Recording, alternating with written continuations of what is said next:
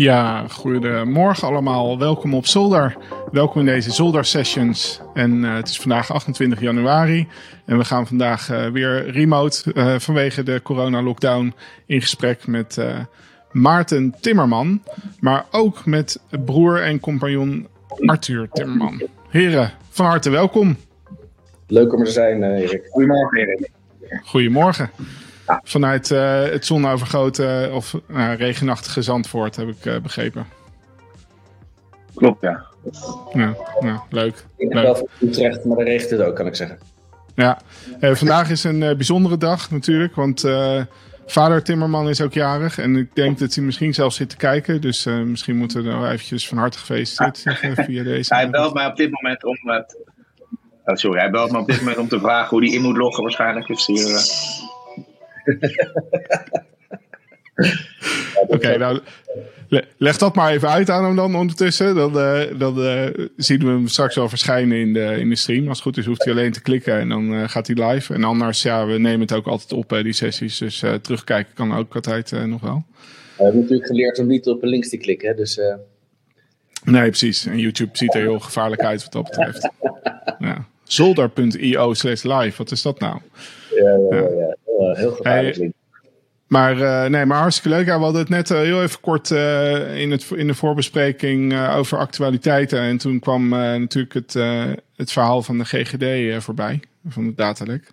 Ja. want ja, dat speelt nu een beetje. En jij, ja, we gaan het vandaag denk ik veel hebben over awareness. Maar jij zag ook wel wat, wat haakjes wat dat betreft daarin, toch? Nou, in de, in de zin van, nou goed, het is ik had net mijn vader inderdaad aan de lijn, ook voor zijn verjaardag. En uh, het is leuk om te zien dat iemand van 76, toen wij zes jaar geleden begonnen hiermee, nog eigenlijk moesten we echt gaan uitleggen wat we deden. En nu, uh, ja, ook gisteren weer de GGD en dit. En hij is in één keer helemaal betrokken, maar dat zie je ook gewoon veel breder. mijn dochter van 13, die begon vanochtend ook nog over dat ze steeds vaker over dingen hoort op school. En um, het is grappig, want ze, ze zeggen dat tegen ons, omdat we natuurlijk hier in die business zitten, van leuk dat je het meer over hoort. Maar het is natuurlijk een trend dat er veel over gepraat wordt. En ik las dus vanochtend dat er echt heel veel klachten bij de autoriteit persoonsgegevens binnen zijn gekomen over de GGD. Nou, dat is ook, denk ik, toch ook een vorm van awareness. Dat mensen ook die moeite nemen om daar klachten over in te dienen, daar iets mee te doen. Dus je ziet ook dat, uh, dat daar een hele ja, een beweging is die volgens mij uh, uh, alleen maar ja, steviger wordt. En ja, daar zijn wij natuurlijk voorstander van. Dat is ons werk. Ja. Ja, en maar weet je of die, zijn die klachten dan naar aanleiding van die berichtgeving gekomen, dat je weet? Of? Ja, dat denk ik wel, ja. Het is volgens mij, uh, um, um, nou, ik, ik weet niet van mensen die al gedupeerd zijn hierdoor. Ik denk dat mensen gewoon zeggen, ja, ik ben getest. Ik ben ook getest, dus ik ga er eigenlijk vanuit dat mijn gegevens ook op straat liggen. Ja, ja. Nou, ja, ik denk er, er vindt gewoon echt handel in die, in die data plaats. Dus uh, online, weet je. En dan, ja, het gevolg daarvan is dat mensen waarschijnlijk via WhatsApp of iets dergelijks uh, ja. geprobeerd wordt om fraude te plegen. Of, ja, of erger, bank, bankphishing kan dan gaan plaatsvinden, dat soort zaken. Ja, dus, het zijn of die gegevens via deze hack zijn gekomen natuurlijk. Dus ja, dat is altijd, altijd moeilijk. Maar goed, dat is ook niet helemaal onze business. Daar zit jij meer in, Erik. Ja, ja, klopt. Ja, die, die opsporing. Ja, ja, soms dan uh, wordt het er letterlijk bij gezegd. Van ik heb data uit uh, deze bron uh, te koop. Weet je wel, door op die online criminele fora. Dus ja, dan, dan kan het nog steeds onzin zijn natuurlijk. Want het is altijd, altijd de vraag van in hoeverre kan je echt helemaal uitgaan van hoe, hoe en wat daar gedeeld wordt. maar ja, dat is wel een indicator van god, er is, er is wat meer aan de hand. Ja. Maar anyway, oké, okay, dus ja, dat, dat actualiteit gaan we straks denk ik misschien nog wel iets meer over hebben. Ja, uh, maar wat, wat wel uh, goed is en misschien verduidelijkend voor, voor, voor de kijker en luisteraar... is dat wij elkaar al echt heel erg lang kennen. want wij waren overbuur jongens. Arthur zit ook wat te knikken, want hij was daar gewoon bij betrokken. Vier jaar, hè? Toch? Of drie? Nou ja, het was, het was in, we wonen in Voorschoten. En jullie wonen er al. En toen kwamen wij uh, ook uh, daar, uh, deden wij onze intrek in het Voorschotense.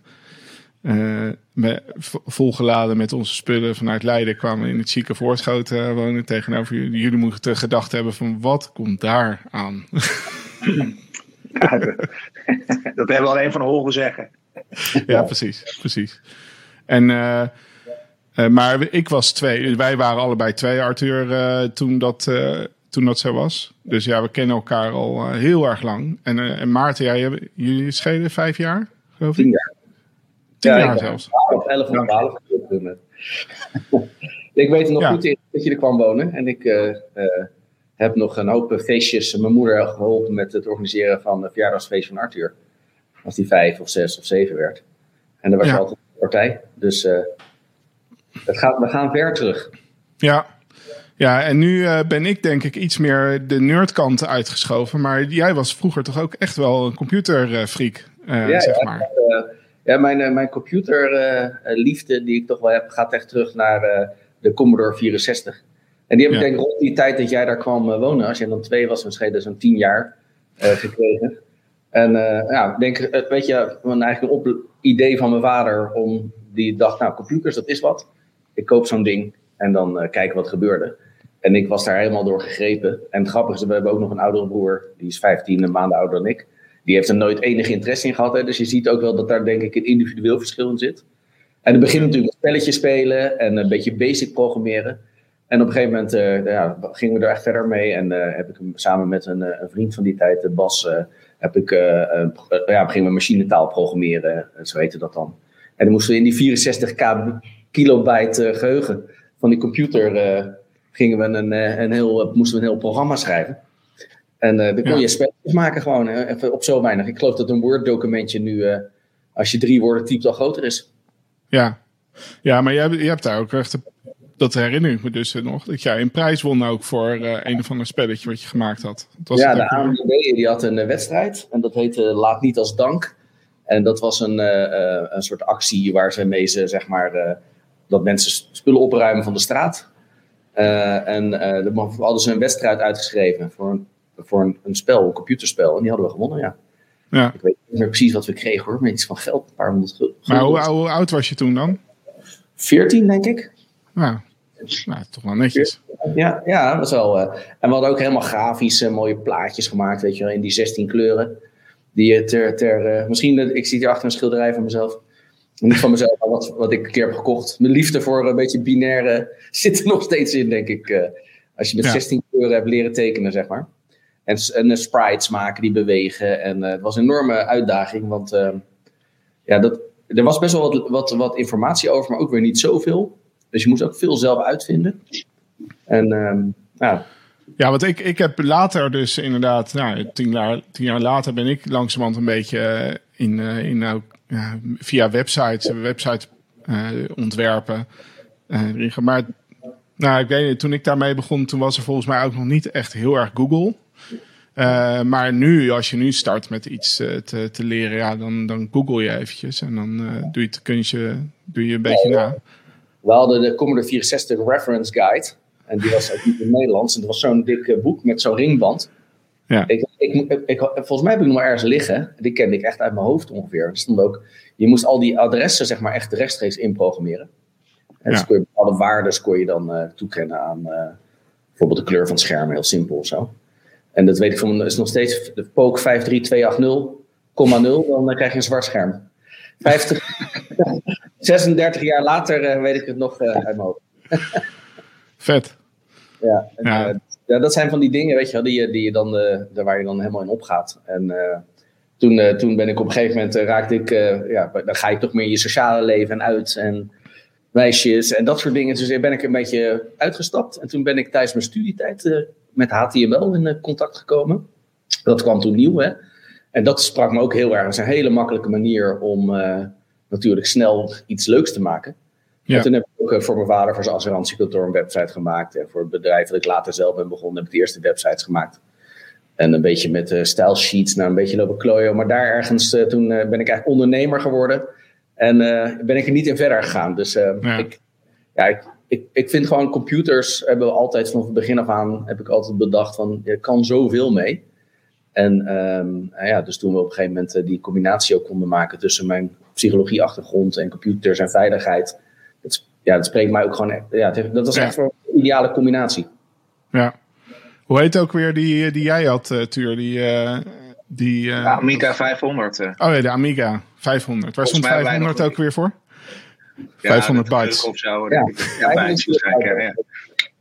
Volgens mij hebben wij een keer samen nog een heel eh, boek zitten over ty- typen. Weet je wel, dan waren we ook iets aan het programmeren, althans overtikken. Maar goed, Ja. we waren waarschijnlijk ergens één leesteken vergeten en eh, werkte heel het zootje niet. Dus, eh, Ja, volgens mij, volgens mij was dat gewoon een LOI-boek. dat had mijn moeder dat Nee, dan liggen, oh. dacht ik. Heb, jij, heb jij een andere herinnering? Dat gebeurt wel eens. Nou ja, ik, nee, nou, eigenlijk weet ik niet precies waar het boek vandaan kwam. Maar ik dacht dat, dat eh, ja, het kwam wel ergens zo van de tweedehands eh, markt, eh, maar zeggen. Dus, Ja, ja maar dat, ja, dat was het. En, en eh, ja, wat wij niet echt hebben gedaan, maar dat was toen ook een ding. Dat je voor Commodore 64 ook eh, spelletjes kon opnemen. door gewoon een radio-uitzending eh, te, op te nemen hè, op, op een bandje. ah, ja, ja. Ja, en je deed natuurlijk ook wel wat, er werd ook wel wat geruild met spelletjes. En op een gegeven moment, eh, dat duurde ook. Als je een spelletje moest laden, dan, later had je dan wel versnellers daarvoor, snel eh, software. Maar eh, in het begin eh, duurde je, mijn eerste spelletje was Frogger. Nou, dan, dan kon je wel eventjes een boterhammetje smeren, drie rondjes om het huis doen. En voordat dat. eh, en dan moest je dan verder. En op een gegeven moment. En het erge was als die dan niet deed, je moest opnieuw beginnen, moest je terugspoelen naar. Dus ik had helemaal zo'n boek en dan stond er met, dat je eerst naar nul spoelen en dan Oh, ja, bij dat- dit Frogger. En bij 45 begint. weet ik wat. Maar, maar wij, wij deden dat ook, Erik, als Maarten wegging. Zaten we met dat boekje snel, eh weet ik het, Raid over Moskou, kan ik mezelf erg goed herinneren dat ik dat eh, een tof spel vond. eh. Ja. ja, met die Amiga waren wij ook nog. eh, Ja, ja, maar die Amiga waren wij ook nog eh basisschoolleeftijd, toch? ja, zeker. Of, Ja, zo, Ja. ja, ik denk dat ik ook 11, 10 of 11 was of zo, eh, jongens. ja, kick, kick-off. Dat speelden we. Kick-off. Ja, Voetbal. En loppie. Ja. Ik vind het nog steeds leuk. Hoor. Je hebt zo'n, eh, er is zo'n website waar je alle Commodore 64 spelletjes gewoon kan spelen. Dan heb je zo'n Ja. emulator op je Mac. Die doet het echt wonderwel goed. En eh, het enige is dat je eigenlijk, wat ik mis, is gewoon zo'n zo'n joystick, zo'nzelfde joystick. Oh ja. Eh, Weet je, die je dan had. Want anders, ja, met toetsen werkt het toch niet. We proberen maar eens Raid over Moskou uit die garage te komen met je toetsenbord. Nou, eh, veel succes. en Niet. die spelen. Dat kan je allemaal nog spelen. En dat is heel leuk. Ja, ik denk dat als, als mijn kinderen daarnaar kijken, ze er niks aan vinden. Maar dus wel, eh, als je dat ooit hebt gedaan, is het echt een aanrader om eh, weer eens een keer te doen. ik denk zijn dat de kinderen niet eens... Ik denk dat ze niet eens kunnen volgen wat er gebeurt met dat 8-bit. eh, en het- wat is het? Het zijn allemaal vierkantjes en weer. eh, Blokkenwereld. Ja, we, het is gewoon we abstract. hebben in een van onze awareness games hebben we een password shooter à la ehm, Oh ja. Space Invaders nagebouwd. En eh, daar hebben we toch wel bijzonder veel goede reacties eh, op gehad. Maar waarschijnlijk wel van leeftijdsgenoten dan. eh. Ja, Ja, precies, ja. Vond dat allemaal prachtig. Ja, dat is heel tactisch, want dat zijn nu de, de mensen, dat zijn de captains of industry, die allemaal in deze eh, tijd zijn opgegroeid natuurlijk. Nu. Ja, je ziet ook Ja. wel, dat, dat, dat is toch echt een retro, eh, eh, dat gevoel vinden heel veel mensen wel mooi hoor. We hebben voor een campagne bij Heineken hebben we ook die blokjes teruggebracht eh, erin, om het digitale te benadrukken. Ja, dat is gewoon een eh, hele mooie, mooie effect heeft dat. Het is het mooie van thuis, eh, vanuit huis werken. Ja, ja, lijkt wel de BBC-verslaggever, lijkt je wel. Ja, ja. natuurlijk. Jammer dat mevrouw er niet achteraan komt, even snel. Ja. ja, mooi. Kinderen hebben daar denk ik toch een soort van antenne voor. Die merken gewoon van, hm, er gebeurt iets en dan ga ik eens even kijken. Ja. Dat is ongelooflijk. Ik denk dat ze beneden zitten te kijken ook. Dus dat ze gewoon even naar Oh. boven loopt om te kijken of ik hier ook echt zit. Dus, Ja, lachen. Ja, en, en Maarten, er was ook één ding wat we... Ja, we hebben, we hebben ook veel echt spelletjes gespeeld vroeger. Hoe heette ook weer dat ene spel dat wij zelf ook velden gingen maken, Tuur? Hoe heette dat ook weer? Eh, raid, eh, raid, eh, Que- Quest? Nee, Quest, Raider Quest. Hero. Quest. Ja, wel. Hero Quest. Hero Quest, oh dat was Raider Quest. Ja, Ja, ja, dat- nou, dat- je dat- hebt voornamelijk onwijs eindeloze Ja, spellen zitten, maar Hij- velden. Ik sloeg, ik sloeg er een beetje in door, dat klopt. Maar, eh, en later, want jij bent, eh, dat was toen ook wel echt een ding. Want jij, jij bent een jaar in Amerika geweest, toch? Maar Ja. toen naar je studie? Of naar je school? Ja, na mijn middelbare school heb ik een jaar in Amerika gewoond. Ja. Ik, ehm, daar, het was grappig, want daar ben ik voor de eerste keer met de Apple computers in aanraking gekomen. Want ja, computerklas was daar standaard wel een onderwerp. En eh, dat is allemaal van die eh, kleine, die, die Macjes staan, weet je, die, eh, die, de klassieke. Apple En 1. Door- Nee, het is geen Apple 1. Weet je, die- waar zo'n computer in één zit met zo'n klein zwart-wit beeldschermpje. Ja, Maar die, die, dat, dat je daar, hè, daar kon je grafisch ook mee tekenen en zo. Veel makkelijker dan, dan, dan de computers die, uh, de, de IBM-computers die mijn vader op kantoor had. Daar kon je echt zelf, daar kon je echt niks mee, zeg maar. En, uh, dus daar was wel door gegrepen. Dus dat heeft wel ook een uh, belangrijke invloed gehad op, op mijn ervaring met computers. Ja, heb je daar toen een studie gedaan ook dat jaar? Of wat was het? Nee, ik heb high school gedaan. En um, ja, dat is gewoon eigenlijk een beetje... Ik had HAVO. En toen um, heb ik high school gedaan. En toen ging ik daarna naar de HBO een jaar omdat uh, ik natuurlijk niet naar de universiteit wilde, maar dan moet je VWO voor hebben. En uh, mijn ja. vrienden die waren al van de HAVO naar 6V en dan zou ik in 5V instromen. Dus ik had het briljante idee om commerciële economie in Den Haag te gaan studeren een jaar. En dan eigenlijk met die propenduizen te gaan studeren. Maar dat was een best wel een pittig jaartje, want uh, met de HAVO, HEO, dat was toch een... dus, maar ik, ik, zat, ja, dat was echt gewoon heel veel, de helft van mijn klas had gewoon VWO gedaan. Maar heb ik gelukkig gehaald en toen ben ik kijk, in 89, uh, 89 90, 90 naar Groningen gegaan en dan ben ik uh, psychologie gaan studeren. Ja. En dat heb ik ook overgehouden uit Amerika, want dat het vak had ik daar ook gevolgd. En er was, dat ging wel een soort lampje aan bij mij toen ik dat deed. Ja, hoe werken mensen? Waarom doen mensen iets? Wat zit erachter?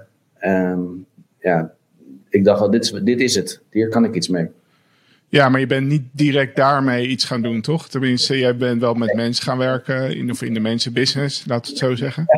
Ja, toen ik afstudeerde, was er eigenlijk heel weinig uh, werk in, dat, in die tijd, 96 of zo. En um, toen um, wilde ik, ik wilde wel bijvoorbeeld onderzoek, ik vond statistiek heel interessant en onderzoek echt wat meer. Ik heb sociale psychologie gedaan, dat gaat echt over ja, de modellen, over ja, hoe mensen de wereld interpreteren. En hoe ze, uh, ja, bijvoorbeeld stereotypen is een voorbeeld van binnen de sociale psychologie. Hè? Dus dat je um, uh, de wereld ordent, maar je kan natuurlijk niet alles op dezelfde manier zien. Dus dan heb je een soort simpele regels en modellen in je hoofd. En daarmee werk je de hele dag. En dat is eigenlijk wat de sociale psychologie voor een groot gedeelte in kaart brengt. En hoe je dus als individu hè, je manifesteert in de hele omgeving. En hoe je alle informatie ja. werkt en hoe je daar met geheugen omgaat. Nou, dat vond ik zelf heel erg interessant. Ik had ook uh, veel onderzoekdingen gedaan. Dus dat was eigenlijk mijn idee. Dus ik, en, en een van de richtingen die mij aansprak toen was uh, marktonderzoek. En dus dat er dan ja, uh, onderzoek doen onder mensen en dan kijken waarom ze iets willen. Hè, dus echt die motivatiekant. In de psychologie noemt dat de attitude en gedrag. Hè, dat is, wat vind je en waar, hoe, hoe, hoe doe je dat? Maar goed, dat was eigenlijk daar was geen werk in te vinden. Toen kwam ik bij Vite. Dat is een werving- en selectiekantoor. daar kreeg je een hele commerciële baan.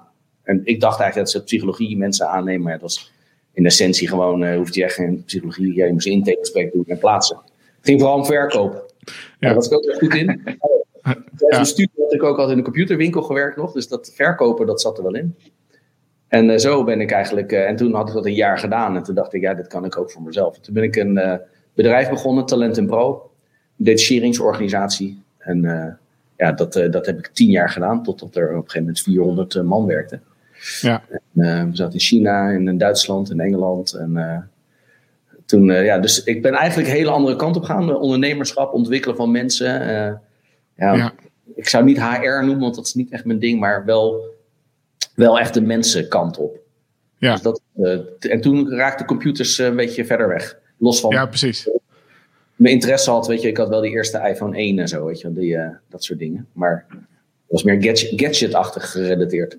Ja, en waar is Talent en Pro eigenlijk terechtgekomen uiteindelijk? Of wat, uh... Nou, dat is um, toen ik weg. Ik heb toen mijn aandelen verkocht aan mijn uh, toenmalige compagnon. En die heeft later ook weer verkocht. Er is een nieuwe investeerder bijgekomen. Het bestaat nog steeds. Er werken geloof ik uh, 1500 man of zo. Het valt onder de Redmore Group. En het valt nu het is door een Belgisch bedrijf verkocht.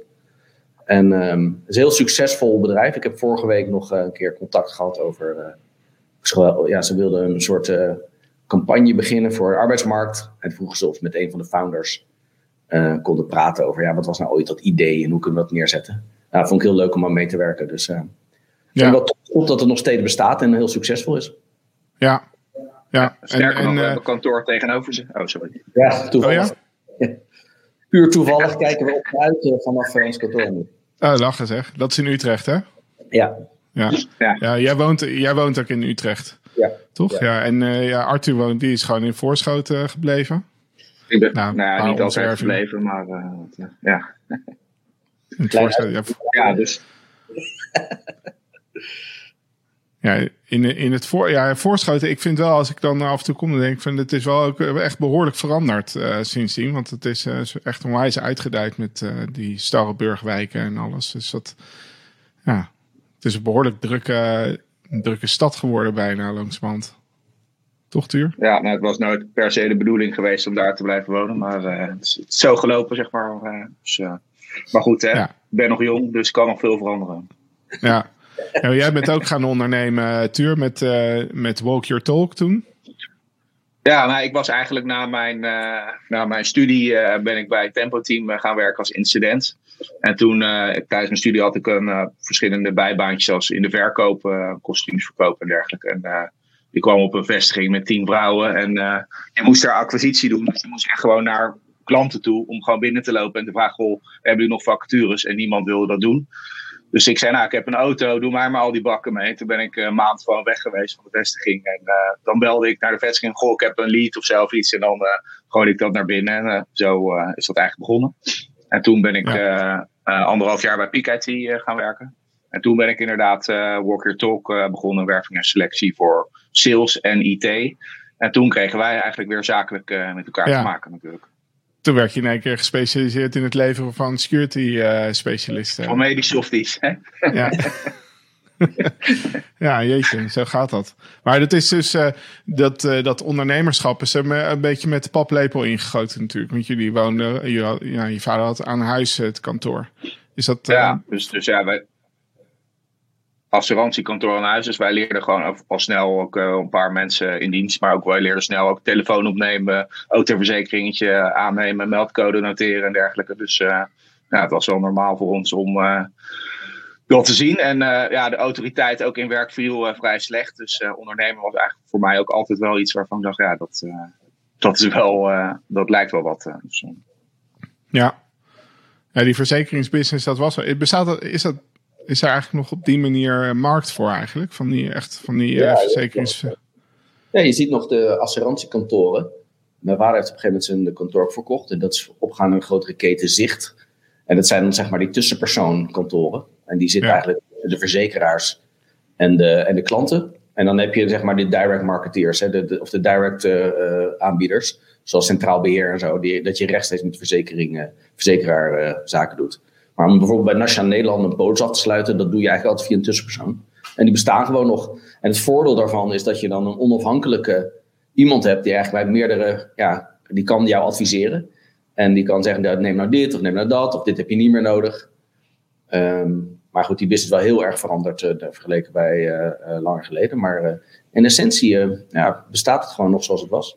Ja, ik denk dat als je zeg maar niet, niet een, een beetje specifieke wensen hebt, dat het inderdaad nog steeds wel heel erg handig is als je een beetje een specialist hebt die je daarin kan adviseren. Ik merk dat bij, bij Chantal mevrouw als ze met hun zaken, weet je wel, die met de kermiszaken die gewoon een groot deel van het jaar gewoon binnen staan, droog, onder, weet je wel, dan heb je gewoon echt een heel andere situatie dan dat je van links naar uh, rechts aan het uh, verslepen bent. Ja, daar zijn geen standaard producten, daar kan je ook echt niet mee terecht bij gewoon een, bij een centraal nee. beheer. Dat gaat, tenminste, dat denk ik niet.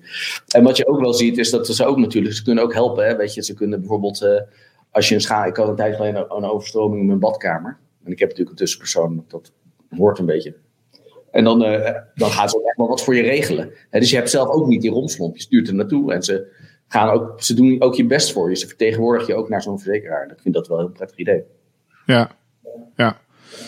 Oké, nou en toen uh, dus eigenlijk een beetje vanuit, vanuit Walker Talk en, en hoe, hoe wij samenwerkten. Kijk, zijn er mensen die. Uh, het was, ik weet, Bart Schultink hebben we natuurlijk toen uh, bijvoorbeeld. ja, dat was, dat was de eerste, ja, inderdaad. Dat was ja. de eerste, hè? En toen, ja, hoeveel, een man of tien of zo via jou nou, bij Dierbaarheid? wel. ik denk dat ze echt wel de twintig gaat. Ja, er was, was helemaal uh, geen ondernemer. Er was, was eigenlijk gewoon in dienst. Nee, dat was ja. kwam dienstverband was eigenlijk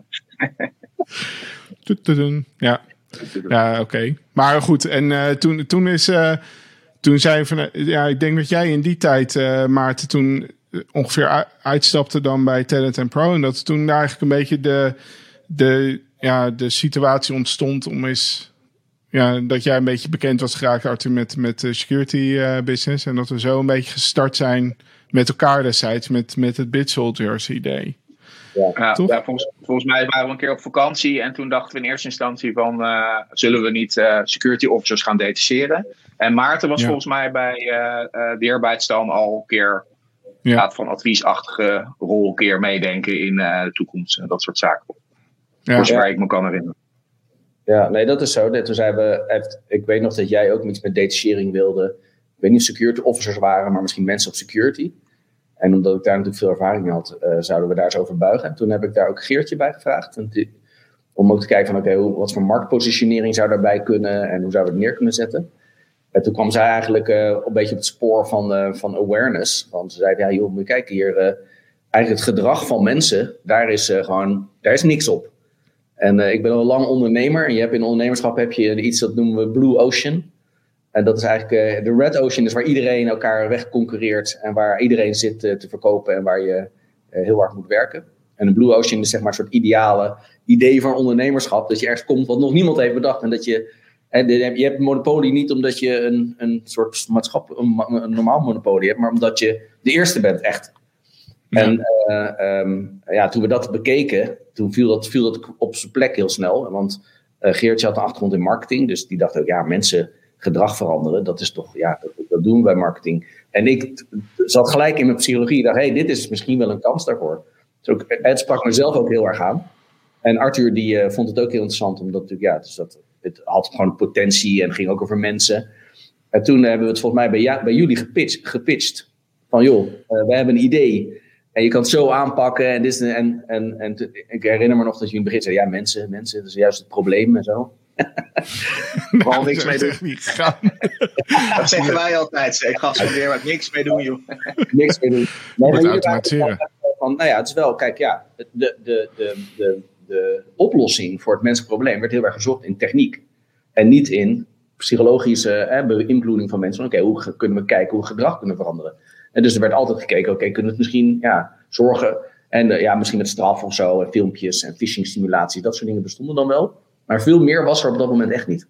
Nee, nee wat, het is mij, zoals ik het onthouden heb, eh, is het, er klopt dit wel. Want jullie kwamen zeker met, uh, met dat idee op een gegeven moment van nou, uh, misschien moeten we het zo gaan doen. En, maar voor mij was de aanleiding van we inderdaad nou, gedacht van oké, we, um, we kunnen misschien in de vorm van detachering iets extra's betekenen als, als security expert, zeg maar, wat tot nu toe ja, ons niet echt mee, uh, mee bezighouden. Dus eigenlijk, ja, we deden al wel consultancy, maar dat was meer projectbasis, gewoon met een start en een eind en dan klaar. En dachten, nou oké, als we nu gewoon eens uh, wat vaker, wat, wat frequenter bij klanten uh, aanwezig zijn, uh, om eigenlijk doorlopend uh, te kunnen helpen dan in, in een meer een soort van security officer rol. En toen zijn we volgens mij de eerste twee of drie projecten gaan doen. Uh, eentje UNICEF weet ik zelf bijvoorbeeld nog, heb ik nog gelopen. En toen kwamen we er eigenlijk achter dat... ja, ja. En toen kwamen we er eigenlijk achter dat het soort van terugkerend verhaal was bij dat soort sessie, bij die eerste soort van intake nulmeting momenten. Dat ehm, als we het dan hadden over nou, wat, wat willen jullie, wat is eigenlijk beleid wat jullie hebben intern uh, bij security, dat dan uh, ja, dat we merkten dat binnen een organisatie meestal mensen ja, het idee hebben dat er helemaal geen beleid uh, is. Of nee. dus, en misschien als het, was dat er dus wel, maar waren zij er niet van op de hoogte dat er beleid was. Dus als het ging om vragen van nou, mag je nou iets in Dropbox zetten of mag je iets op een USB-stick kopiëren, ja, dan wisten ze dat eigenlijk niet. Of, dat, of daar wel regels voor waren. En toen, en, en dat was, ja, we, we kwamen erachter van oké, dan heb je dat dus gemeten na nulmeting. Ja, wat moet je nu als eerste doen? Dat, dat, voor, dat er eigenlijk bijna uh, telkens opnieuw weer een user awareness vraagstuk uh, lag. Van oké, okay, je moet dus meer je mensen gaan, gaan opleiden en, en, en bekendmaken gewoon met, met wat je van ze verwacht. En nou, dat, to, toen zag ik het ook een beetje langzaam bewegen naar iets toch meer gestandaardiseerd. Waar, je dus, waar we een oplossing voor moesten hebben, wat wij nog niet hadden. En toen kwamen jullie vanuit, uh, zag, ja, zag je vanuit de psychologiehoek in.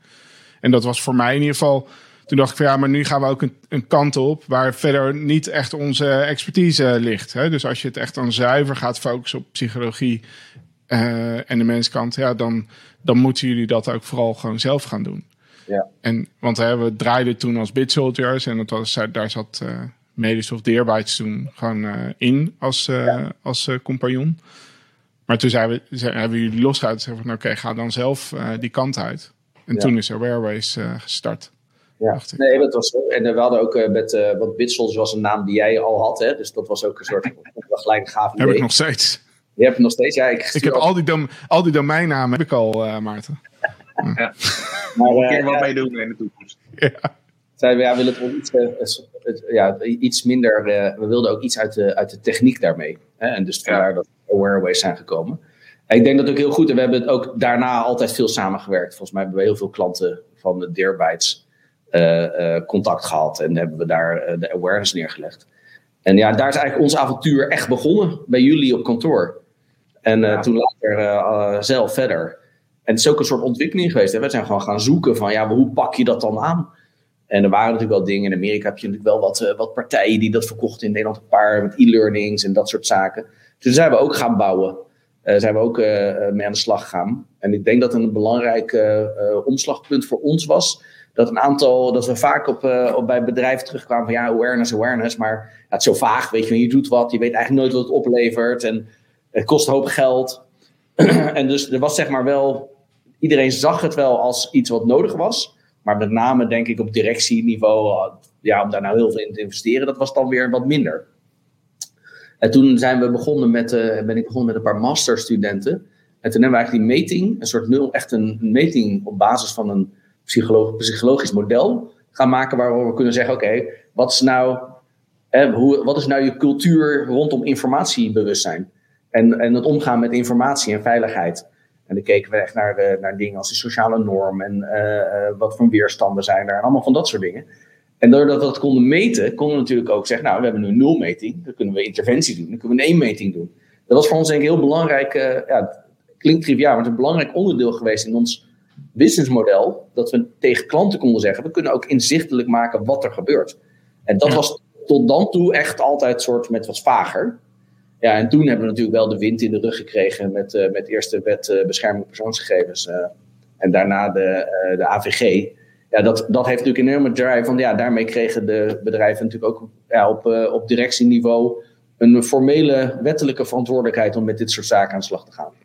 En dat is natuurlijk voor onze business heel goed geweest, ja. Ja, ja, volgens mij werd het ook op een gegeven moment meer een soort van een standaard, eh, of een onderdeel van, de, van een soort van standaard, uh, hoe zeg je dat? Uh, ja, basismaatregelen of zo die je als organisatie moet treffen, is iets ja. doen aan user awareness, weet je, iets. Ja. En dat, ja, ik weet niet is het, of dat toen met NEN 7510 of zo is geïntroduceerd, ook op grote schaal. De eerste ISO ook al wat werd over gezegd.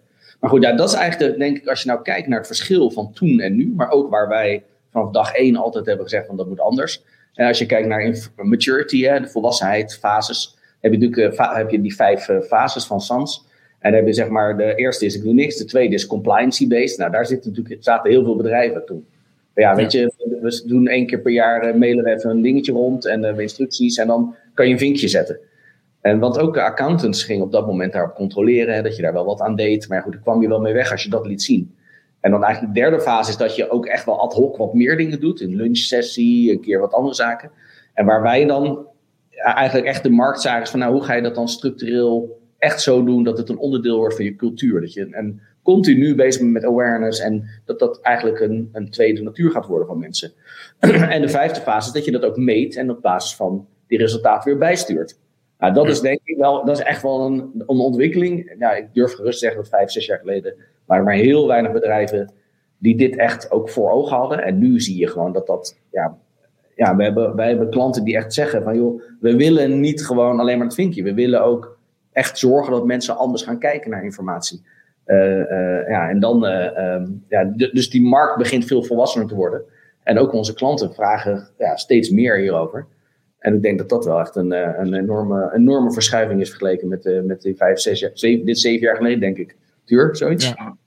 Nou ja, in mijn gedachten, volgens mij hebben we zelfs nog uh, ook een e-learning ontwikkeld uh, toen we samen de deden, Erik, de eerste Security Awareness module. Alleen toen we die verkocht hadden, bleek natuurlijk al vrij snel dat er ja, klanten die niet uitrolden, geen tijd voor was. En toen ja, liepen we tegen alle bekende zaken aan, waardoor de campagne zeg maar stokte. En toen dachten we van ja, gaan we een e-learning boer worden of gaan we voor gedragsverandering? En ja, toen hebben we echt een hele slag geslagen, denk ik, daar rondom in mijn beleving. Ja. Ja. ja, ja, dus want de e-learning is dan wel, staat toch nog steeds wel centraal of zo in uh, hoe, uh, wat jullie doen met klanten. Alleen dat, dat is niet het enige. Je doet gewoon een soort een heel programma eromheen inmiddels. Nou ja, het is centraal in de zin van dat het een middel is wat je natuurlijk inzet waarmee je mensen kan bereiken. En er zijn natuurlijk heel veel, um, kijk, er zijn veel factoren die invloed hebben op gedrag. En uh, um, een daarvan is natuurlijk gewoon kennis over hoe het precies moet dus een, van de redenen waar, waar, waarom mensen het uiteindelijk niet doen, is omdat ze precies wat jij net zei. Ja, hoe moet het dan? dus wij doen zo'n sessie met een bedrijf en dan uh, zeggen, vragen wij aan de CISO, nou, grote bestanden versturen, hoe doe je dat? We hebben die tool van. En er zitten er drie gebruikers bij die zitten echt te kijken, we hebben nog nooit van gehoord. dus, ja. Dat, ja, dus natuurlijk een hele praktische reden waarom het dan niet veilig gaat. Omdat, uh, dus dat, daar begint het al met gewoon ook dat soort barrières wegnemen. En vervolgens is eigenlijk een, een, een barrière dat, je, uh, dat het versturen via zo'n systeem een stuk lastiger is dan gewoon even als bijlage in je mail. En dus dan krijg je eigenlijk een, een, een tweede vorm van ja, uh, ga je die extra inspanning leveren om veilig te werken. En vraagt de organisatie het ook van je. we hebben Zuidas advocatenkantoren van mensen die denk 500 euro per uur kosten. Weet je, even drie minuten pielen met een, met een, een, een mailtje versturen veilig. Dat is, kost gewoon bij wijze echt letterlijk geld. En dan hebben we niet eens over deadlines dat om 11 uur bij de rechtbank binnen moeten zijn. Maar dat je in zo'n omstandigheid een cultuur bouwt dat mensen zeggen: nee, maar we doen het toch veilig. Hè? Dat is denk ik, uh, dat, dat, dat, dat is echt de uitdaging. En daar hebben we dus middelen voor. Uh, e-learnings, uh, maar eigenlijk wordt dat, zit dat in een, hele, in een heel pakket van maatregelen. Um, die, die daar allemaal op inzoomen. Maar de e-learning is wel de zichtbare natuurlijk, ja. Ja, ik weet dat uh, een tijdje terug hadden we Inge Wetser ook uh, in, de, in, de, in de sessie. En uh, die stelde eigenlijk dat je als, je, als het doel is inderdaad om iemands gedrag te veranderen, hè, dat, dat, is al, dat is natuurlijk logischerwijs hier uiteindelijk wat je, wat je hoopt te bereiken, dan is het eigenlijk niet goed om ervan uit te gaan dat je dat je dat doet door er kennis in te stoppen. Dus je zou eigenlijk met iemand individueel moeten spreken om te begrijpen van oké, wat is er precies aan de hand waarom deze persoon niet dat gedrag vertoont wat we eigenlijk zouden willen. En daar dan vervolgens je maatregelen op aanpassen. Uh, alleen, ja, dat dat, dat snap ik aan de ene kant wel. Aan de andere kant denk ik, ja, maar hoe ga je dat dan doen als je een organisatie hebt met uh, tienduizenden medewerkers of, uh, en laat, of met meerdere organisaties, hè, als je het vanuit een soort van expertiserol daarbij begeleiding wilt geven. En dus ik denk ook van, en dat is een beetje hetzelfde eigenlijk bij security in de bredere zin, dat er vanuit een soort van puristische ja, gedachtegang wordt gedacht van je moet eigenlijk soort van bij nul beginnen en gewoon precies weten welke risico's er zijn en dan uh, nadenken van kijk welke maatregelen tref ik. Mhm. Maar de andere kant is van ja oké, maar ik weet eigenlijk ook voordat ik dat ga uitzoeken, weet ik al dat er een aantal elementen zijn die sowieso uh, gefixt moeten worden. Dus ik kan ook eerst bij het begin om soort van die basiszaken goed te doen. En dan te kijken, oké, wat resteert er dan nog om het nog beter te krijgen? Ik heb de indruk dat, dat dat laatste meer is hoe jullie het dan benaderen. Het is een soort van, ja, je weet, dat, je weet dat er sowieso kennis nodig zal zijn om het goed te krijgen. En uh, dan gaan we meten daarna van, oké, hoe ontwikkelt het vervolgens uh, qua echt gedrag? Nou, ik denk dat je, ja, zoals jij het uitlegt, is, is het denk ik precies. En ik denk ja. dat in, in essentie is natuurlijk, het zou mooi zijn als je individueel met iedereen kan kijken hoe het gaat en hoe het loopt. En hoe, ze voor, hoe je het voor die mensen persoonlijk beter kan maken. Maar dat is in de praktijk natuurlijk een situatie die zich vaak niet voordoet. Um, maar ik ben wel eens, kijk, je, het is ook niet one size fits all. Dat is een beetje een balans die we ook proberen te kijken. Sommige organisaties waar we komen zijn gewoon veel verder. En bijvoorbeeld in het proces van awareness, als wij binnenkomen en dan zeggen we ook, ja, het heeft geen zin om hier nog eens een keer te gaan roepen, jongens, het is belangrijk, het is belangrijk, het is belangrijk. Want dat weten ze al. dus dan dat, dat meten we dan. Hè. ik geef toe, hè, dat is natuurlijk over de hele groep heen. Dus je gaat wel wat generaliseren. Maar dan zeggen we nou, gemiddeld scoort deze organisatie al best wel goed op security awareness. Dat is al veel aandacht aan besteed. Um, dus mensen weten dat het belangrijk is. Daar is ook de keuze niet aan. Begin nou niet met het belangrijke. Laten we kijken wat dan de knelpunten zijn waarom mensen hier nog niet, dan toch niet doen. En een van de, van de factoren die dan komen, en dan zie je natuurlijk toch een aantal dingen die bij veel organisaties terugkomen. En, ja, en, en die ga je dan aanpakken. En als dat dan geregeld is, ga je naar de volgende. En dan ga je naar de volgende. Het wordt eigenlijk steeds kleiner. Ja, helemaal aan het eind hou je denk ik een groep over die uh, misschien het nog niet doet. Die zou je denk ik wel individueel uh, nog een keer willen bekijken van wat is daar aan de hand. Maar ja, je gaat toch eerst voor het laaghangend fruit. En dat is dat veel mensen meekrijgen. En um, uh, voor heel veel mensen gelden wel dezelfde soort bezwaren. Ja. of er zijn drie groepen ongeveer. We zien ook wel, hè, je hebt eigenlijk uh, bij met name die al verder zijn, zie je een groep bijvoorbeeld bij, bij uh, wij meten ook ervaren belemmeringen. En dus hoe lastig vind je het om veilig te werken? en dan zien wij een soort uh, Mercedes-ster in onze grafiek.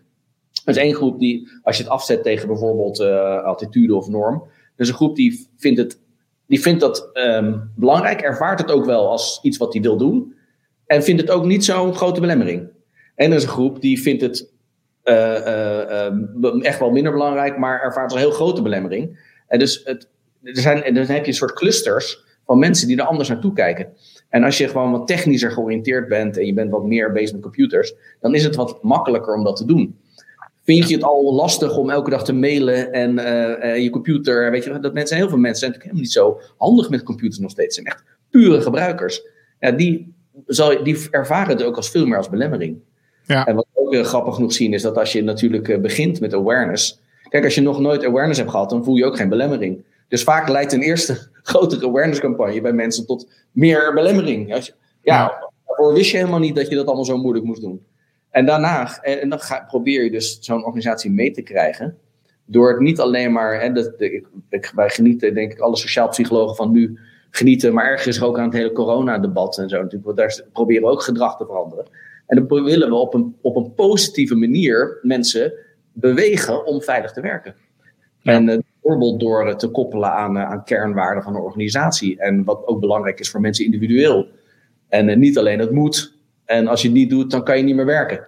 Of dan wordt je mailbox kleiner. Weet je, dus dat zijn van die ideeën die er ook wel eens opeens naar boven komen. Ja. En ik denk dat, dat, en zo probeer je met elke organisatie te kijken, nou waar zit, zit het punt, het knelpunt? En hoe kunnen we dat aanpakken? En uh, naarmate je verder komt, krijg je steeds een kleiner groepje waar je je op kan focussen. En daar kun je dan ook specifieker maatregelen op nemen. Ja, ja en dan wordt het misschien wel behapbaar om inderdaad bloot te leggen van oké, okay, wat is er nu nog? Want ja, het voorbeeld wat er dan bijvoorbeeld gegeven wordt van ja, als je, als je een team hebt en die wordt geleid door iemand die gewoon daarin echt een heel slecht voorbeeld geeft. Ja. Of het allemaal zelf niet zo belangrijk vindt, ja, dan krijg je natuurlijk weer een heel andere situatie. Weet je, dan is er weer, dan is dat misschien gewoon aan de hand. Ja, we zien sowieso dat, uh, dat uh, als je uh, dat sociale norm noemen we dat in de psychologie, ja. dat dat een van de belangrijkste pijlers is voor gedrag.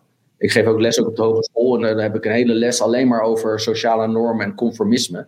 He, dus dat mensen, ja, die, al je drivers de hele dag worden voor een heel groot gedeelte bepaald door belangrijke mensen om je heen. En wat zij doen en wat zij vinden van wat je doet. En als ja. jij een leidinggevende hebt die security ook onzin vindt, ja, dan heb je echt maar sterker nog, dan kan het ook tegen, daartegen werken. Dan denk je, ja, ik doe het maar niet, want dan uh, ben ik het, het lulletje van de afdeling die veilig zit te werken of zo. Ja. Dus, en, en, en je komt, je, daar wil je dus doorheen, dat, dat mensen het gewoon gaan doen omdat het er echt hoort en omdat het ook wordt, er wordt op aangesproken. Het wordt, komt terug misschien in je beoordelingsgesprek. Dus dat is een hele belangrijke factor die je daaraan stipt. Ja, ik weet dat. Uh, uh, ja, hebben jullie dit ook continu scherp op het moment dat je zelf leiding geeft aan, uh, aan het bedrijf? Dit soort ja. uh, aspecten? Tuur? Goeie vraag. Ja, maar hij is de security officer bij ons. Dus, uh. Oké, okay, heel goed. Nee, maar wij hebben wel echt, wij zijn allemaal in de hele organisatie echt super scherp op elkaar. Dus, ja. we hebben een, ja. Nou ja, ik vond het ook wel leuk dat je mij inderdaad uh, zei van ik heb je een appje gestuurd. Dus ik dacht, kijk van nou waar dan in WhatsApp? En toen bleek een signal berichtje te zijn. Ik dacht, ja, dat is ja, dat, goed. Uh, WhatsApp is... Uh, dat kan helemaal niet meer. Nee. Dat kan niet meer, nee. nee. Ja, maar voorbeeldgedrag is zeg maar tegelijkertijd het sterkste en het moeilijkste. Dat weet je denk ik ook van toen je bij Deerbytes, weet je... Um, als je, als je altijd vijf minuten laat komt als baas, komt ieder, begint elke vergadering vijf minuten laat. Ja. dus het, het, het, en, en je hebt ook je eigen mankementen en die, die zie je door bewegen in de organisatie. En dus in die zin is het super belangrijk dat het zeg maar, echt de toon at de top meedoet. We hadden laatst een grote, een grote omroep, zou ik het maar noemen. Die, uh, die, dat bleef allemaal een beetje achter. En toen hebben we een presentatie gehouden van de cijfers aan de, aan de board. En die schrokken daarvan. Ook het deelname en participatie. En toen ging één, en toen zeiden ze ja, ter plekke, ja, wie van ons is hier eigenlijk verantwoordelijk voor? En dat was een beetje onduidelijk. En toen viel het formeel onder de CFO. En die pakte hem echt gewoon, die pakte hem vol. En die zei ja, dit, dit ga ik pakken. En die ging ermee aan de slag. En uh, je zag gewoon een soort verandering in het programma, de deelname, de reacties op dingen. Um, ja, dan zie je echt door een, eigenlijk een kleine keuze aan de top van het bedrijf, dat uh, zo'n programma in één keer heel succesvol wordt. Dus wij kunnen nog zo mooie dingen bedenken. Als dat niet gebeurt aan de top van het bedrijf, dan zal je het effect nooit halen wat erin zit. Nee. Nee, en, uh, en dan nog even terugpakken op die GGD-casus. hè? Want uh, dus hè, de situatie is dat uh, Daniel Verlaan heeft, heeft uitgevonden met RTL Nieuws dat, dat er heel veel data op online criminele ja, fora um, verhandeld wordt. die afkomstig is van, vanuit GGD. en dan met name het bron- en contactonderzoek, wat nu zo belangrijk is in de strijd tegen corona. En um, nou, oké, dus dat, dat is uitgekomen. Daar zijn ook al kamervragen uiteraard over gesteld. En dat is dus ook al over gedebatteerd. Uh, de eerste reacties van de GGD zelf zijn ook. Dat nou, kwam gisteren Daniel dan mee. Die had dan ook nog eens een soort van interne meeting. Had hij ergens op de een of andere manier uh, voorbij zien komen. En dat, dat twitterde hij. Maar oké, dus dat is, dat is de situatie. Maar hoe, hoe kijken jullie daar dan naar? naar, naar deze zaak? Wat ik heel interessant vind van deze is dat het natuurlijk een, eh, een eh, inside job was. Hè? Dus er zijn, tenminste van, van wat ik weet, zijn er gewoon medewerkers intern geweest die uh, uh, het hebben gedownload en zijn gaan verhandelen. Ja. Um, dat is, vanuit awareness is dat heel moeilijk. Dat is eigenlijk in, in essentie is dat natuurlijk moeilijk, moeilijke groep. Hè? Want iemand die echt kwaad wil, ja, kijk maar naar terrorisme en zo. Eén individu die iets wil, dat is heel moeilijk om, uh, om het te beïnvloeden. Ja. En tegelijkertijd vind ik, het een, uh, vind ik dat een, uh, ook een slecht excuus. Hè? Want als er een norm is, waar we het net over hadden, binnen een organisatie. Uh, van joh, het is heel belangrijk dat we veilig gaan omgaan met deze informatie. Dan zouden misschien al, en misschien is dat ook gebeurd hoor, al veel eerder heel veel mensen hebben geroepen. Volgens mij zei Daniel dat ook. Van joh, luister, we kunnen allemaal overal bij. Ja. je kan zo op die, ik begrijp dat in die HP onderdeel van de software gewoon een downloadknop zit van software. dus en awareness zit natuurlijk op alle niveaus. Hè? Dus, dan een, een, een, dat, dat zou, dus ergens heeft iemand die instelling niet uitgezet. Of heeft niet tegen HP, de leverancier, gezegd van dit moet anders. Uh, dus ja, en dan, dan, dan heb je dus in essentie geen veiligheidscultuur.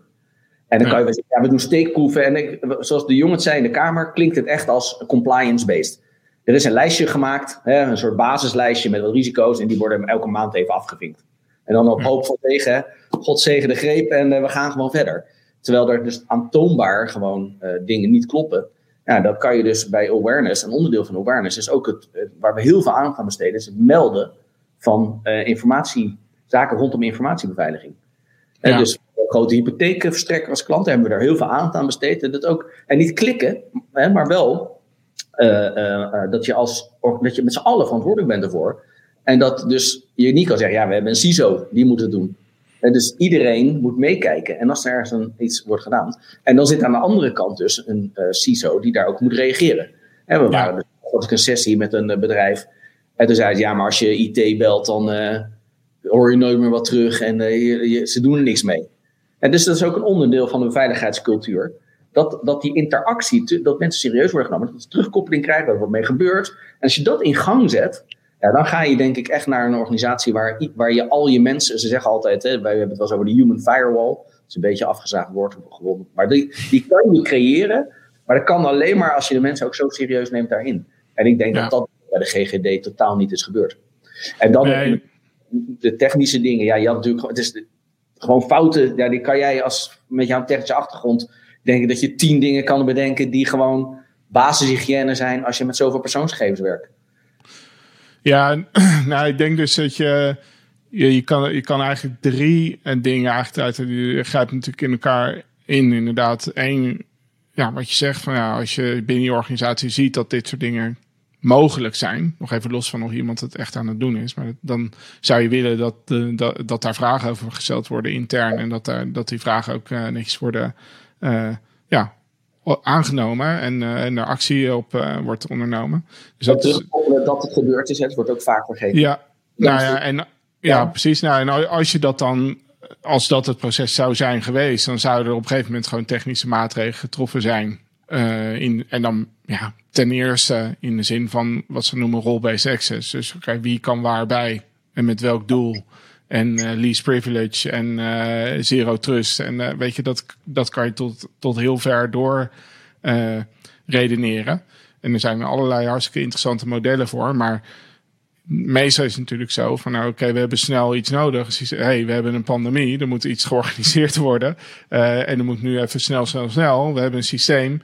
En het inrichten van al die dingen waar waardoor alleen de juiste mensen bij hun benodigde data kunnen, kost gewoon extra tijd en, en mankracht om dat goed onder controle te houden. Dus die slaan we over. We geven gewoon iedereen toegang overal toe en we kunnen aan de slag. Dus je snapt helemaal waar het vandaan komt, maar dat is dan meer een organisatorisch aspect. Ik denk ja. Ik zie daar toch ook heel duidelijk een psychologisch aspect in. Kijk, A, dus op, op het moment dat jij een systeem hebt wat voor iedereen toegankelijk is, waar iedereen overal bij kan, ergens zeg je ook, maar het zal wel niet zo belangrijk zijn, want anders zou het wel niet kunnen of zo. Hè? Dus het, het, het geeft ook, door de gelegenheid te geven, um, benadruk je ook eigenlijk dat je er weinig energie in hebt gestopt. Een tweede is, ik kan me voorstellen dat je ergens geen tijd voor hebt. Hè? wij hebben ook wel eens een keer bij ons een bepaalde keuze moeten maken met systemen dat het nog een maand duren voor we bepaalde security hadden. En dan mail ik rond, let erop, uh, dit uh, uh, werkt nu zo. Hè? Dus uh, uh, dat is een, een, een, potentieel risico. Dat hadden ze bij de GGD natuurlijk makkelijk kunnen doen. En hadden ze kunnen zeggen, let hier extra op. Hè. We, hebben, we gaan hier maatregelen opnemen. Dat zit in de pijplijn, maar door de haast lukt het niet. Maar we zijn dus, hè, dit is een kwetsbaarheid. En ik denk dat dat ook een verantwoordelijkheid is die je kan hebben. En die wordt heel vaak niet genomen. En dat is een soort um, um, idee van als we er maar niks over zeggen, dan zal de kans ook wel kleiner zijn dat wat fout gaat. En dat, dat is exact waar, wij, waar, waar, waar je vanuit de psychologie, als je kijkt, moet je dus juist wel benoemen. En dan geef je mensen verantwoordelijkheid. En dan zullen ze ook anders naar kijken. En dan, kijk, ik kan me best voorstellen dat iemand. Het grappige is bij dit soort dingen dat achteraf best wel mensen van de afdeling weten dat iemand dat doet. Of er wordt over gepraat. Of over de. Mensen zijn altijd trots op wat ze doen, hè? ook als het fout is. Dus er, wordt iets, er gebeurt iets mee. Je had een mechanisme kunnen hebben dat je dit had kunnen weten. Ja, en het kan ook een. Uh, het, het, het, zit er ook een beetje in dat, um, denk ik, veel mensen nog niet bewust zijn van, van deze specifieke dreiging. He, dus als je dan het hebt over een he, persoonsgegevens en een plek waar die allemaal in staan. En wat daar dus mee mis zou kunnen gaan op het moment dat, in de zin van een, een datalek of een, of een digitaal uh, dreigingsscenario, dan is denk ik voor de meeste mensen zit, is een soort van ingeprent prent inmiddels van hè, dat er hackers zijn en dat er malware is, weet je wel. En, en nou, oké, dus dan kan je een soort van, eh, denk toch ook de meest, uh, de minst technisch belegde, onderlegde mensen kunnen nog steeds wel een aardig idee vormen van oké, dat, dat, dat kan dus fout gaan. Alleen dat er iemand is die misschien naast jou zit, in zeker letterlijk of figuurlijk, die hetzelfde werk doet als jij, maar daar ja, daar uh, op de een of andere manier denkt een slaatje uit kunnen slaan en er dan dus uh, verkeerd mee omgaan met die data. Daar, dat geloven denk de meeste mensen niet zo dat dat zou kunnen. Omdat je, je, bestelt, je redeneert dan heel erg vanuit jezelf en vanuit die, de anderen, de mensen om je heen. Maar ik denk ook dat het, dat het wat er wel kan gebeuren is dat, het, dat je misschien start met, met je collega's die direct om je heen zitten. En, en waar je dus een bepaald gevoel hebt van: oké, zouden zij dat soort dingen doen? Nou, nee. Maar ergens is er misschien letterlijk in deze situatie wel een, moment geweest dat men is moet gaan opschalen. Dat er is. Hè, dat mensen in dat bron- en contactonderzoek zijn toegevoegd. Misschien zelfs wel vanuit uh, externe. Hè, dus uh, ik veel, uitzendbureaus. Dit weet ik helemaal niet, hè, maar dit, dit, dit zou. En dat je dan eens met mensen maken die je ja, die je helemaal niet kent. Weet je wel, of die minder goed uh, van tevoren gescreend zijn wellicht. Ja. En ja, dan is dus nu de situatie dat... En de, ja, uh, vandaag uh, was er ook een artikel in NRC. Daar had Rick ook, Rick van Duin, had daar wat commentaar bij gegeven. Zegt van dit is dus bij heel veel organisaties aan de hand. En ook ja. veel kleinere clubs dan de GGD dat, ja, dat er gewoon ergens uh, ja, iemand gewoon data aan het, uh, aan het verkopen is. En, en uh, of dat het vriendinnetje of het vriendje van iemand die, die data aan het verkopen is, werkt bij een plek waar, waar die toegang heeft tot die data. En zeker met thuiswerken nu is het een soort van ja, misschien wel makkelijk om daar dan eventjes in mee te kijken. Denk dat thuiswerken daar zeker een rol in kan hebben. Want dat is natuurlijk veel minder controle. Hè? Je voelt alsof je in je eigen huis even iets downloadt. Hè? Dus dat, ja. En wat ik, wat ik interessant vind van wat je net zei, daar ben ik het heel erg mee eens. Het is ook een standaard. We hebben een van de maatregelen natuurlijk die in de top 10 staat van gouden regels voor security, is het schermblokken. En dan krijg ik altijd het argument, ja, maar we vertrouwen toch onze collega's. Dus dat is ook een soort. En daar zijn we ook altijd mee bezig. Maar hoe kunnen we nou uh, mensen uh, duidelijk maken van het belang daarvan, uh, zonder dat, dat je gelijk zegt je collega's niet te vertrouwen. kijk, en, en, en je wil ook niet een soort angstcultuur van niemand vertrouwt elkaar meer. Maar goed, we willen ook wel mensen laten realiseren dat het kan zijn dat iemand gechanteerd wordt of gokschulden heeft of iets. Ja. Het, je, het, is een risico wat aanwezig is en waar je een bepaalde um, uh, awareness van moet hebben. En daardoor kan je gewoon toch net iets voorzichtig zijn, zonder dat het gelijk betekent dat je mensen niet vertrouwt. Ja. En daarnaast, uh, ja, wij, ja, daarom gebruiken wij bijvoorbeeld ook als argument, weet je, maak het je reflex. Want je zit misschien ook een keer te werken in een koffietentje. Nou, nu, nu even niet, maar straks weer. En dan uh, vergeet je hem ook te lokken. Hè? Dus het, het, moet eigenlijk helemaal in je systeem zitten. Ja. En uh, goed, dat, dat, dat argument van we vertrouwen elkaar. En dan als je dan gaat opschalen. Uh, en, en, heel veel organisaties hebben allemaal consultants rondlopen. En mensen Ja. kennen ook elkaar helemaal niet meer. Dus ja, dat, is, wordt wel steeds belangrijker. Dat, dat, dat, dat, daar, dat, dit is echt een goed voorbeeld van een security maatregel. Die, die belangrijk is. En dat je daarop let. Ja. Nou, de, de data die we, want wij zitten dan een beetje die, die online kanalen ook een beetje te volgen zo en te kijken van okay, wat, wat voor data wordt er dan inderdaad verhandeld en waar komt het vandaan. En dan valt het op dat, dat een groot aandeel zit hem in um, verkoopkantoren van energie. Oh ja. Want die markt is zo geliberaliseerd dat je ja, kleine verkoopkantoortjes hebt. Die gewoon jou uh, dood uh, stolken en, en bellen. En waar, je helemaal, waar iedereen helemaal gek van moet worden. Schat ik zo in. Dat je weer gebeld wordt door iemand die weer een, uh, een hartstikke goede elektriciteitsdeal kan sluiten met je. Maar dat zijn niet. Ja, er zijn zelfs volgens mij. Het, volgens mij kan iedereen vandaag een energieleverancier worden op die manier. Hè? Want ja, je kan gewoon een bedrijfje oprichten en, en inkopen en verkopen. Het is gewoon een handelsrol is dat. Uh, maar ja, daar wordt dus inderdaad gebruik gemaakt van, van ja, weer derde, third party verkoopteams. ja. ja, dat, er weet echt niemand meer wie er nou precies aan het bellen is en, en dat soort zaken. Weet je. Dus, en daar, die, daar uit die hoek komt dus best wel veel persoonsgegevens uh, op de zwarte markt, zeg maar, online. Ja, en, dat is, en het is natuurlijk toch uh, interessant dat mensen daar zo um, terughoudend in zijn over. Weet je, daar, daar kan je gewoon echt wat aan doen.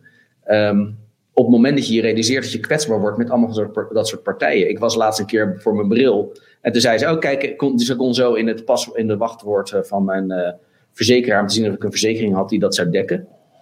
Wat ik ook interessant vond bij een opticien. En, um, maar dus ze wist het wachtwoord even niet. En toen riep ze echt zo: Wat is het wachtwoord ook weer van het systeem? En dat delen ze daar met z'n allen een wachtwoord. dat, dus ik ben helemaal met je eens. Hè, dus en dat is een, een, een, een niveau van awareness of volwassenheid waar we nog naartoe moeten groeien. Uh, denk ik. En ik denk dat de maatschappelijke druk nu, hè, door zo'n incident daar, ja, in die zin is het goed dat zoiets gebeurt. Want ik denk dat alle partijen nu weer zich extra op hun, uh, op hun hoofd gaan krabben. Van hoe gaan wij zorgen dat dit anders gaat? En dat ja. kan door mensen daar bewuster van te maken. En tegelijkertijd ook de organisatie zelf. Hè, dus dat ze wel investeren in compartimeren. En, en wat ik een keer. Je kan ook originele dingen doen. Ik herinner me dat um, een oplossing. Toen met dat Barbie dat ziekenhuis. Dat iedereen uh, bij haar ging kijken.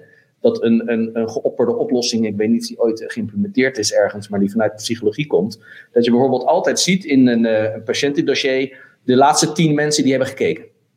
Ja. En dat je dat al ziet. Dan zou je een soort sociale controle inbouwen. Van hé, hey, wat, waarom zit die. hè, dus de arts, de behandelende arts, die zou het toch wel raar vinden als die er allemaal namen ziet staan die niet in zijn team staan.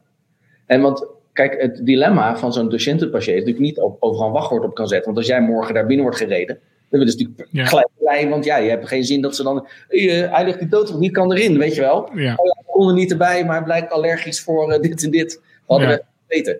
Dus, en, dus je kan ook slimme dingen bedenken, hè, waardoor je eigenlijk een soort. Een, een, ja, dat is een, toch privacy by design. Eh, en dat, daarom is dat zo'n zo'n relevant begrip. Eh, eh, en security by design. Die, ja, ik geloof er heel erg in dat dat de toekomst ook is. En, en dan kan je in de combinatie met de menselijke factor die daar dan naar kijkt en die daar over nadenkt en daar ook gewoon weerbaar in is, kan je denk ik heel ver komen. Ja. Maar heb je, natuurlijk, jij, jij, jij hebt meestal die eerste gesprekken hè, met klanten vanuit jullie eh, Ja. bedrijf. En zie je dat er, is het, zijn dit soort dingen ook veranderd? Of hebben, hier, is hier meer interesse in, in dit soort, eh, deze dreiging? eh, Ehm, ja, ja, dat is wel zo. Alleen, eh, ja, we- komen toch ook vaak bij bedrijven waar, eh, eh, ja, waar we in eerste instantie contact hebben natuurlijk met een, een CISO of een IT-manager. En dat het toch nog best wel lastig is om dan naar boven te gaan en tijd en budget vrij te krijgen om hier echt wat mee te doen. Dus nou, is nog, de Blue Ocean is er nog wel redelijk, denk ik, in ieder geval wat dat betreft. Ehm, eh, maar ja, je merkt wel een veel grotere verandering daarin. zeg maar. Dus we hebben ook veel meer klanten die. Eh, wij maken natuurlijk volledige programma's. Dus vaak komen organisaties bij ons en die doen al jaren losse dingen. Eh, en die willen dan met ons daar één geheel van maken en zo. Dus die zitten wel natuurlijk al aardig hoog eh, in de maturity level. Alleen ja, om er dan nog eens een keer één compact programma van te maken die aanhaakt ook bij de interne normen en waarden en dergelijke. Dat, dat is dan de volgende stap. Ja, en, en, en laat, of bieden jullie ook iets om gewoon mensen te trainen inderdaad meer over de dreigingsmodellen? Hè? Dus dat je niet, zozeer van oké, weet je, welke data is gevoelig en hoe kan je dat eh, en hoe kan dat misschien lekken of ik wat, maar ook be- de het bewustzijn over hoe er vandaag de dag, weet je wel, eh, iets mis kan gaan met data of dat het, hoe het online ver- verschijnt. Wat, wat voor soorten ja, risico's kunnen we tegenaan lopen als organisatie? Is dat, maakt het onderdeel uit van wat jullie brengen aan modules? Sterker nog, we doen ook bij, eh, eh, bij een intake, eh, wij hebben eigenlijk een, eh, een, eh, we hebben standaard content die we eigenlijk op, die we op maat maken voor al onze klanten. Eh, dus in essentie is natuurlijk security best wel, er zit heel veel overeenstemming, maar er liggen heel veel eh, ehm, individuele verschillen. En met name de, de, de risk agents en zo, dat is een goed voorbeeld. Eh, bij sommige bedrijven eh, zijn er heel andere partijen risicovol dan andere. En dus uh, inderdaad, spionage geldt voor sommige bedrijven totaal niet relevant. En voor sommigen is dat een hoofdreden om security awareness te doen. Uh, persoonsgegevens is ook, ja, voor, er zijn heel veel organisaties, dan de persoonsgegevens is eigenlijk alleen maar de eigen personeel. Verder hebben ze heel weinig. Hè?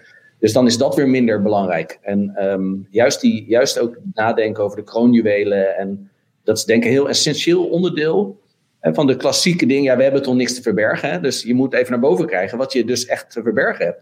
En waar Ja. je trots zijn en wat ook die als organisatie kwetsbaar kan maken. Is een ontzettend belangrijk onderdeel van um, een beetje zeggen: ik vind het belangrijk naar. Oh, ik vind het zo belangrijk dat ik hier wel ook als medewerker van deze organisatie tijd in wil stoppen. Ja, ja want ik, ik, ik haalde dat heel erg uit de reactie van, uh, van de minister of van, van de politiek. Dat concentreerde zich heel erg eigenlijk op zeg maar boosheid op uh, dat, dat er dit soort criminaliteit plaatsvindt. Ja, dus, ja. Dus ik kan me daar gewoon boos over maken. Ook. Dat is eigenlijk hetzelfde als met die rellen nu. Iedereen is boos op die mensen van die rellen. En dat is ook terecht, denk ik. Um, want het is natuurlijk niet normaal dat het gebeurt. Maar het heeft nu geen nut om, als er dit soort mensen dat doen, maar blijven roepen: het zijn idioten en dit en dit. Wat is de reden hè, dat zo'n grote groep jonge mensen gaat rellen? En misschien moeten we daar, moeten we daar ook iets mee. En dat geldt natuurlijk Als je, je kan, ja, als je alles wegzet, ja, het zijn idioten. Ja, dan hoeven we ook geen beleid meer op iets te doen. Nee. En, uh, um, uh, en het is ook tegelijkertijd, denk ik, belangrijk. Want anders krijg je weer hele extreme dingen. We moeten alles dichtgooien en niemand kan ergens meer bij. Nou, dan kunnen ze bij de GGD nergens mee werken. En dus. En dan, ik, ik, las een heel interessant artikel in de correspondent van de week van, uh, van Rob Wijnberg. Die vergeleken een aantal belangrijke columnisten toen die Bulgaren die grote fraude hadden gepleegd. Dus ze geven die columnisten, ja, en de, die moeten ze aanpakken en ze moeten keihard met de uitkeringsfraude omgaan. Nou, we zijn een paar jaar later. Nu is iedereen belachelijk hoe er met uitkeringsfraude wordt omgegaan. En, ja. de, en dat is denk ik een soort maatschappelijk probleem. En dat zie je denk ik ook bij security, dat het gelijk en oh, de, de, minister maakt hier denk ik een, een, een, een, eh, een, Hij legt het heel erg buiten zichzelf. En hij zou, denk ik, vanuit mijn visie, als hij zegt: Nou, dit hebben we niet goed aangepakt. En wij gaan hiermee aan de slag. Maar ja, zal je wel politiek verantwoordelijk, dan moet je misschien op. Ja, ja, dat heeft natuurlijk gelijk. Uh, achter zitten. Maar het is zo'n gemiste kans. Wat zit hierachter? Hè? Wat, wat gebeurt er? En ook als een aantal individuen iets doen, dan kan je ook kijken van oké, dan hebben we ons dus niet verdiept in in dat soort zaken. We zijn ons niet bewust van de waarde van die informatie die we hebben. Als je mensen uh, uh, geldtransport laat doen, dan uh, ben je daar veel bewuster van. Stel je brengt goudstaaf van A naar B, dan worden die mensen waarschijnlijk helemaal doorgejaagd. Op, en hier zeiden ja, ze hebben een VOG. Ja. Nou ja, in essentie is een VOG natuurlijk prima startpunt, maar het zegt niet heel veel, denk ik. Dus, ja, en dat vind ik zo jammer dat dan het zo wordt weggezet. Terwijl je eigenlijk gewoon een mooie kans hebt om dit gewoon veel beter te maken. Ja, ja, ja dat, dat is denk ik. Uh, uh, ja, kijk, het heeft heel erg de indruk van: oké, dit is even, kunnen we even er niet bij gebruiken nu. We zijn al demissionair, dus. ik, snap, ik snap zijn frustratie wel. En het is natuurlijk ook heel vervelend. Um, maar ja, ik, het, wat me ook verbaasd is, toen die corona-app werd gebouwd, nou, toen was er één groot. Iedereen was zich heel erg bewust van het feit dat daar gevoelige informatie in zit. En dat heeft de, wekenlang de kranten gehaald. En die app is er ongeveer niet, bijna niet gekomen door alle punten. Uh, en nu hebben ze een heel groot systeem waarin ze alles registreren. En dan uh, is dat, heeft klaarblijkelijk niet een soort basishygiëne uh, voldaan om dit te doen. Ja, nou, ja precies. Nou, de, de, de awareness dat, dat je hè, een, een organisatie bent waar heel veel persoonsgegevens hè, zijn en ja. uh, mee wordt gewerkt. en dat, dat er dus zoiets is als een interne dreiging, om het zo maar te zeggen, dat er mensen mogelijk bij die data kunnen, gewoon vanuit hun, hun werk. en, de, en daar misschien iets verkeerds mee gaan doen. Uh, daar lijkt gewoon geen rekening mee gehouden te zijn. Um, en uh, ja, dat, dat is wel vrij, vrij naïef in deze tijd, denk ik. Ja, ja goed, het is wel de enige wat ik dan wel. Het is niet iets wat al heel veel, tenminste in de, in de bekendheid. Jij zal daar als specialist op het gebied echt van security en, en, en jullie hackers ook komen natuurlijk veel meer tegen. Maar in de essentie is het verhandelen, het, het, zeg maar, dit soort dingen ik heb het niet, niet heel vaak verder gezien. Je ziet toch meer, zoals die commerciële teststraat vorige week, die wachtwoorden via WhatsApp versturen aan 6000 mensen in grote groepen. En dat soort knullige dingen uh, hebben we wel heel veel gehoord. Maar uh, ja, zo iemand die gewoon heel bewust kwaad wilt. Dat is ook wel een iets minder bekende dreiging. Dat zou dan een. Uh... Ja, maar dat is precies wat ik bedoel. Van ik denk dat het, dat het heel erg nodig is dat, uh, dat juist de organisaties waar die persoonsgegevens dus zo'n zo'n belangrijk onderdeel vormen van gewoon hun, hun hele bestaan.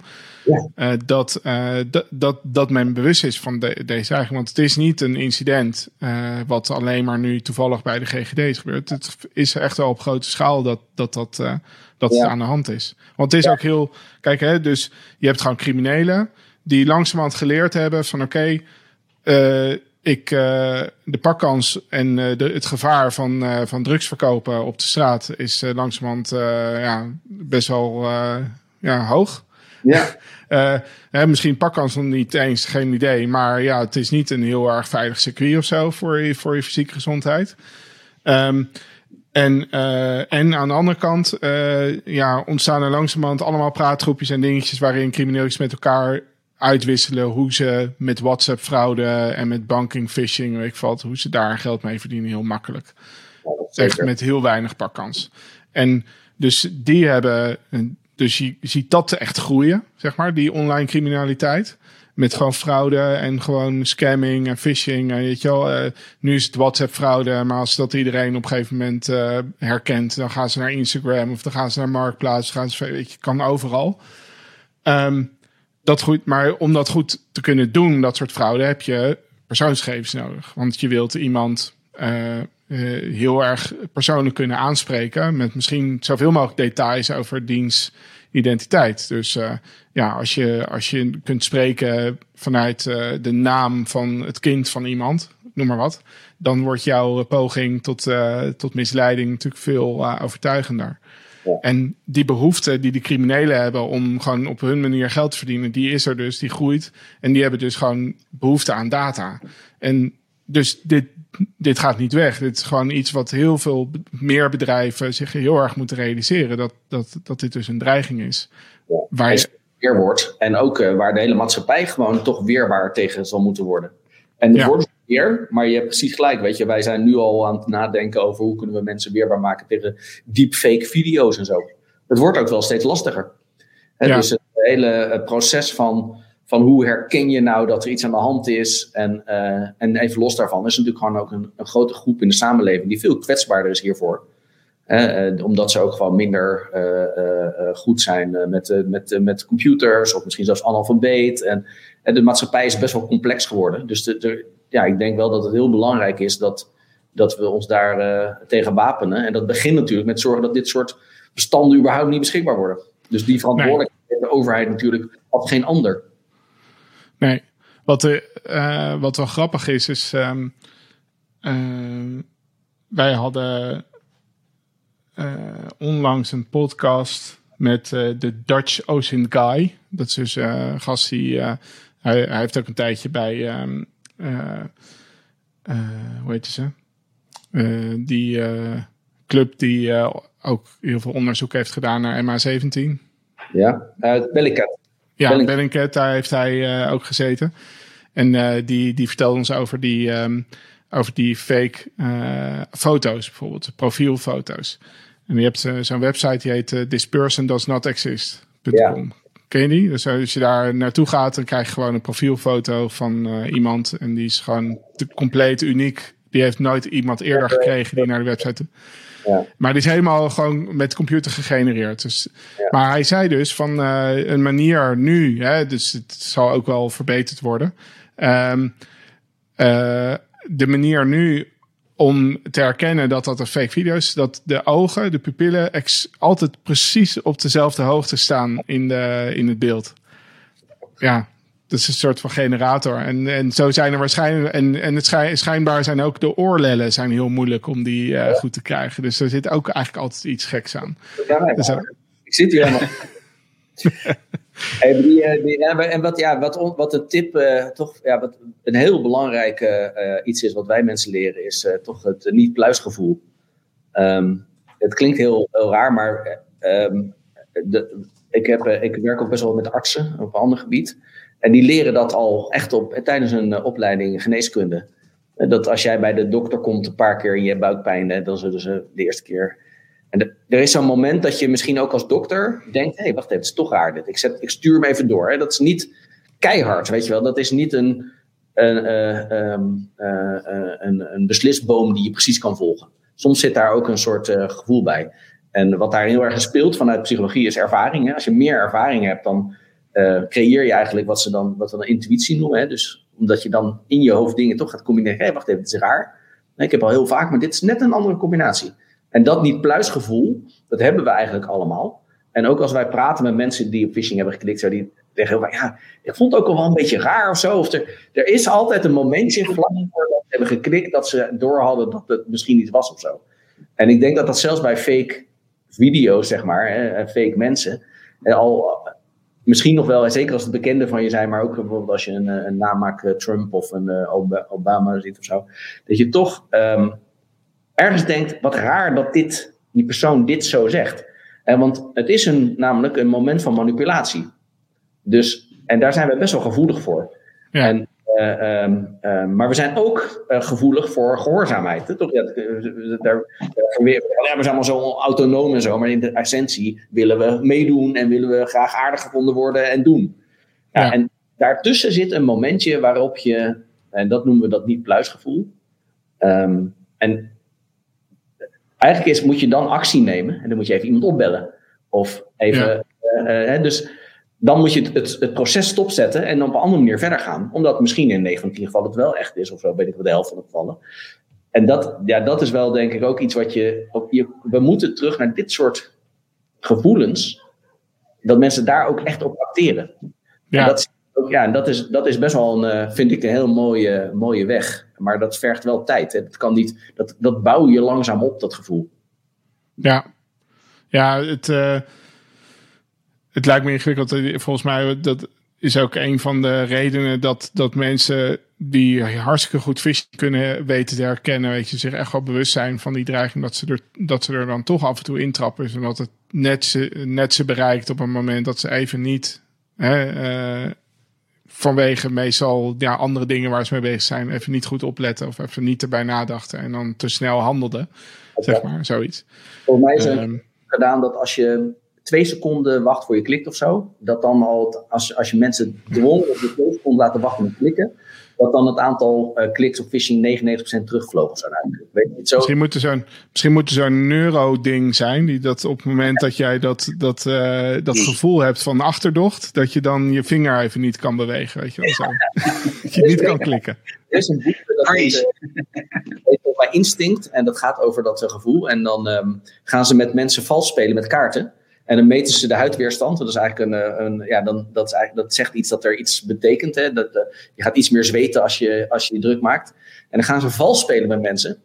En dan, die huidweerstand gaat al omhoog voordat mensen doorhebben dat er wordt vals gespeeld. En dan, op gegeven moment, dan vragen ze bij welke slag had je door? En dan zeggen ze bijvoorbeeld bij slag 8 of zo. En dan zien ze al bij slag 5 dat er iets gebeurt. Dus dat is heel interessant. En, dat, en dan gaan ze testen en dan gaan ze nog vijf slagen verder. En op een gegeven moment, ja, wacht even. hey, maar dan zijn ze pas bij slag 15. Dus je hebt eigenlijk een goed punt. Gaan we toch naar technologie. Misschien dat Apple. Mooie draai weer. Die meet gewoon je oogpupillen en die zegt opeens: Wacht, wacht, je bent, uh, er gebeurt hier iets.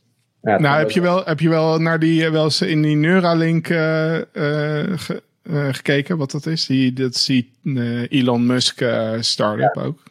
Ja, ik heb wel begrepen dat het wel heel erg mooi wordt neergezet voor een uh, heel simpel experiment. Ja. Maar, uh, nou ja, kijk, het, het idee dat je een soort van je hoofd een soort van directe interface hebt naar alle informatie die op het internet beschikbaar is. Dus dat je eigenlijk niet meer daar zelf als mens met al je onhandigheden, met vingers of wat dan ook meer tussen zit. Dat je gewoon kan denken aan een URL en dat je een soort van terugkrijgt van dat, ja, die uh, ziet er een beetje verdacht uit. ja, dat, uh... Laten we denken aan een bepaalde URL. En dan er een. een, een, een ja, hey, hey, die, is pas, uh, die is pas drie uur geleden geregistreerd. Dat kan niet pluis zijn. ja, ja, weet je, dat vind het ook wel heel interessant. Kijk, de, uh, bij, um, Cialdini, dat is een bekende sociaal psycholoog. En die heeft die zes uh, Six uh, Ways of Persuasion, hè, de overreding geschreven, wel autoriteit en sociale beïnvloedingen, die, die, die zijn heel bekend. En um, wat interessant is, is dat fish, in phishing, weet je, volgens mij kopen die lui die boeken ook en zo. Dat is echt best wel grappig uh, om te zien dat phishing vaak heel geavanceerd is als je kijkt naar overredingsprincipes. En dat is eigenlijk ook wel een beetje ons argument. Ja, hackers gebruiken het, gebruiken het ook. We kunnen het ook tegen ze gebruiken dus we snappen wel wat ze doen. We snappen welke overreding. We hebben laatst een, eh, een onderzoek gedaan. Hadden we uh, verschillende templates naar mensen gestuurd. Hadden we één hadden we autoriteit ingezet, een andere tijdsdruk en, en dat soort dingen. En dan konden we ook het verschil zien uh, of mensen klikten op iets en waar ze gevoelig voor waren. En dan zag je bijvoorbeeld dat autoriteit een, een belangrijke bij die, bij die organisatie waren mensen heel gevoelig voor autoriteit en veel minder voor tijdsdruk. Ja, dat zijn natuurlijk ook heel interessante gegevens om te snappen van, weet je, waar zijn nou binnen onze cultuur mensen gevoelig voor? En dan kan je ook echt wel zeggen, nou, dan moeten we misschien wat meer nadruk leggen op dat autoriteitsstukje. Ja. Uh, ja, en, dat, en dan hè, bijvoorbeeld elkaar aanspreken. Wij meten ook altijd of mensen elkaar aanspreken bij, als ze iets doen met, met veiligheid. En dan zeggen organisaties bijna altijd, maar ja, dat is niet alleen bij veiligheid hoor. Elkaar aanspreken is hier sowieso wel niet echt de cultuur. Weet je, dat is ook heel interessant. Dat betekent dat je ook een wat breder gaan, kan gaan kijken van oké, misschien moeten we ook in onze cultuur wat veranderen. En dat heeft dan een heel mooi neveneffect op je security. Ja. En, ja, en, en ja, dat is wel eigenlijk ons uitgangspunt om te blijven onderzoeken wat nou dat onderliggende haakje is En hoe we dan dat niet-pluisgevoel kunnen, kunnen versterken. totdat we natuurlijk die implementatie, implement, dat ding in ons hoofd hebben. Ja, dat of een bril. Smart. Al heb je een, een slimme bril, hè? dat kan het, hoef je niet gelijk in je, in je hoofd te boren. Nou, Volgens mij was er laatst was er iets wat. Uh, uh, want de, bij al die neuroscience is altijd zeg maar een beetje de heilige graal is dat, uh, dat ze niet in je schedel hoeven, zeg maar. Dus ze zijn op zoek naar van oké, hoe kunnen we die, die transmitter zeg maar buiten je hoofd plaatsen zonder, en dus niet hoeven te boren. En uh, volgens mij was er laatst ergens iets. Ja, dat scheelt. Uh, want dan kan je gewoon een petje opzetten of zo, weet je. Dan heb je of een muts. Maar um, uh, als ze, volgens mij was er later ergens iets van een publicatie waarbij ze dus in staat waren om ja, toch iets van buitenaf uh, te doen. Of via oren of zoiets. En ja, dat, dat, dat, dan heb je echt mogelijkheden. Het is echt niet normaal meer, weet je. Dat je gewoon inderdaad aan dingen kunt denken en dan uh, daar gelijk allerlei informatie bij hebt. Maar de stap daarvoor is nog die, ja, die slimme brillen. Die, uh, uh, ja, nu volgens mij komt Apple ook dit jaar, of tenminste dat wordt verwacht dat ze met iets komen. Ja. Zou je dat opzetten, denk je? Nou ja, ja, ja vanuit, de gadget, vanuit mijn gadget zelf wel, vanuit mijn privacy zelf niet. En, ja, dat is volgens mij ook een van de redenen dat, dat, dat die Google Glasses uiteindelijk toch niet gelukt zijn. De, de, het privacy-fenomeen is natuurlijk enorm. Hè? Die dingen die filmen continu alles en die interpreteren wat je ziet. En dat geven ze eigenlijk terug op een soort schermpje. Um, dat betekent gewoon dat als iedereen 24/7 met een cameraatje rondloopt, ja, dan heb je toch wel op, op het gebied van privacy wat te doen. En dus dan, dan, dan, dan, is er, dan zou je, uh, ja, hoe, hoe ga je daarmee om? Ik denk dat dat wel een, een, een maatschappelijk wel echt een. Uh, kijk maar bij die, bij die rings, die bellen, die deurbellen. Dat ja. is nu al, die begint, uh, want de politie heeft geroepen, ja, maar het is hartstikke handig als mensen het hebben. En de, AV, de autoriteit persoonsgevers zeggen, wacht even, dat is niet helemaal de bedoeling van een ring. Hè? Dus daar, en ik denk dat dat ook een hele goede discussie is om te, om te hebben. En ik denk dat dat wel ook een reden is waarom ik me ongemakkelijk zou voelen als ik in een bus zou zitten en iemand tegenover me heeft zo'n bril op. Ja. Dan weet je, de hele tijd wordt gefilmd. Als ik nu zo in de bus ga zitten en ik ga zo met mijn camera de hele tijd zitten filmen, denk dat toch ook wel wordt aangesproken door iemand op dit moment. Ja. Maar met een bril, nou, dan raken we eraan gewend en opeens gebeurt het overal. En dan is die informatie er en dan kunnen mensen erbij. Ja, ik vind het vanuit de privacyrechten echt een, een grote. Ja, hoe ga je daarmee om? Ja, ik denk dat, dat het, uh, het filmen op zich, dat, dat, uh, dat is denk ik een pad waar we gewoon automatisch op een gegeven moment op zullen belanden, eerlijk gezegd. Ja, nee. Want ja, die technologie die wordt steeds kleiner en simpeler en goedkoper. Weet je, en totdat, totdat het gewoon inderdaad echt wel nuttig is om uh, met iets rond te lopen wat gelijk, ja, wat als een bril werkt. dus dat, dat zal wel op een gegeven moment komen. De vraag is dan inderdaad van oké, okay, en, en dan wat gebeurt er dan vervolgens met die beelden? Ja.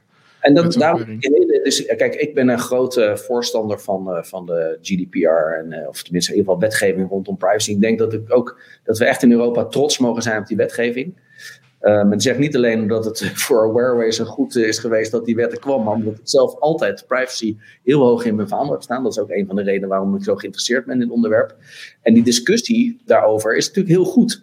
En je ziet dat de Apple zich probeert te profileren als een um, bedrijf wat in tegenstelling tot Google dat niet doet. Nou goed, even, hoe het precies is, is altijd lastig. Maar je ziet wel dat organisaties zich daar wel veel bewuster van worden. En ook Google heeft de afgelopen tijd uh, veel vaker gezegd dat ze daar uh, strenger op gaan worden. En beter met privacy om willen gaan en persoonsgegevens. Nou goed, het is een beetje links lullen, rechts zakken vullen van Google volgens mij. Want ik heb het idee dat, ze, dat dat tegenvalt wat ze doen. Maar het is wel, ik vind het heel goed dat die discussie er echt is en maatschappelijk ook gevoerd wordt. En um, we hebben gewoon met de, met de AVG een, eh, een kader waar we heel goed aan kunnen toetsen. En um, ook vanuit, uh, het is wel interessant misschien om te vertellen, de psychologie achter de AVG zit er ook in. En dus er is onderzoek gedaan naar wanneer mensen hun privacy, zich geschonden voelen in hun privacy. En dat, um, uh, dat is eigenlijk, eigenlijk vinden mensen helemaal niet zo erg om iets te delen, maar ze vinden het vervelend als ik mijn gegevens deel voor A en ik krijg het terug in B. Ja. denk, hè, even, ik gaf, ik gaf A mijn gegevens. En nu, dat is het moment dat mensen privacy schending ervaren. Dus niet het delen aan zich. Het gaat over. Het, en dat is dus wel, vind ik dus heel goed gedaan in die wetgeving. De doelbinding. Hè, dus als jij informatie hebt, mag je het alleen gebruiken voor het doel waarvoor je het hebt gekregen. Is ook is eigenlijk verankerd in hoe wij privacy ervaren als mensen.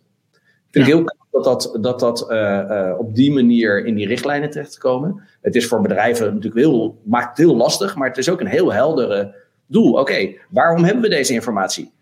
En, waarom, en waar kunnen we het dan vervolgens voor gebruiken? Is eigenlijk de simpele vraag die je kan stellen. Nou, daar zit helaas door alle onderhandelingen toch wel wat escapes in en andere grondslagen en weet ik wat. Maar in de kern hebben we een heel mooie wetgeving waar, uh, waar heel veel landen jaloers op kunnen zijn. Ja. En volgens mij is dat de rol ook van de EU, toch? Want inderdaad zorgen, uh, ergens anders wordt het bedacht en wij bepalen dan de spelregels, zeg maar. Nou ja, de EU heeft, um, heeft het, uh, dit is een van de wetgeving die eigenlijk, um, ondanks miljoenen lobby van, van Google en Facebook en weet ik wat, toch een aardig oorspronkelijke vorm er doorheen is gekomen. En dat heeft volgens mij wel wat voet in aarde gehad. Dus ja. ja.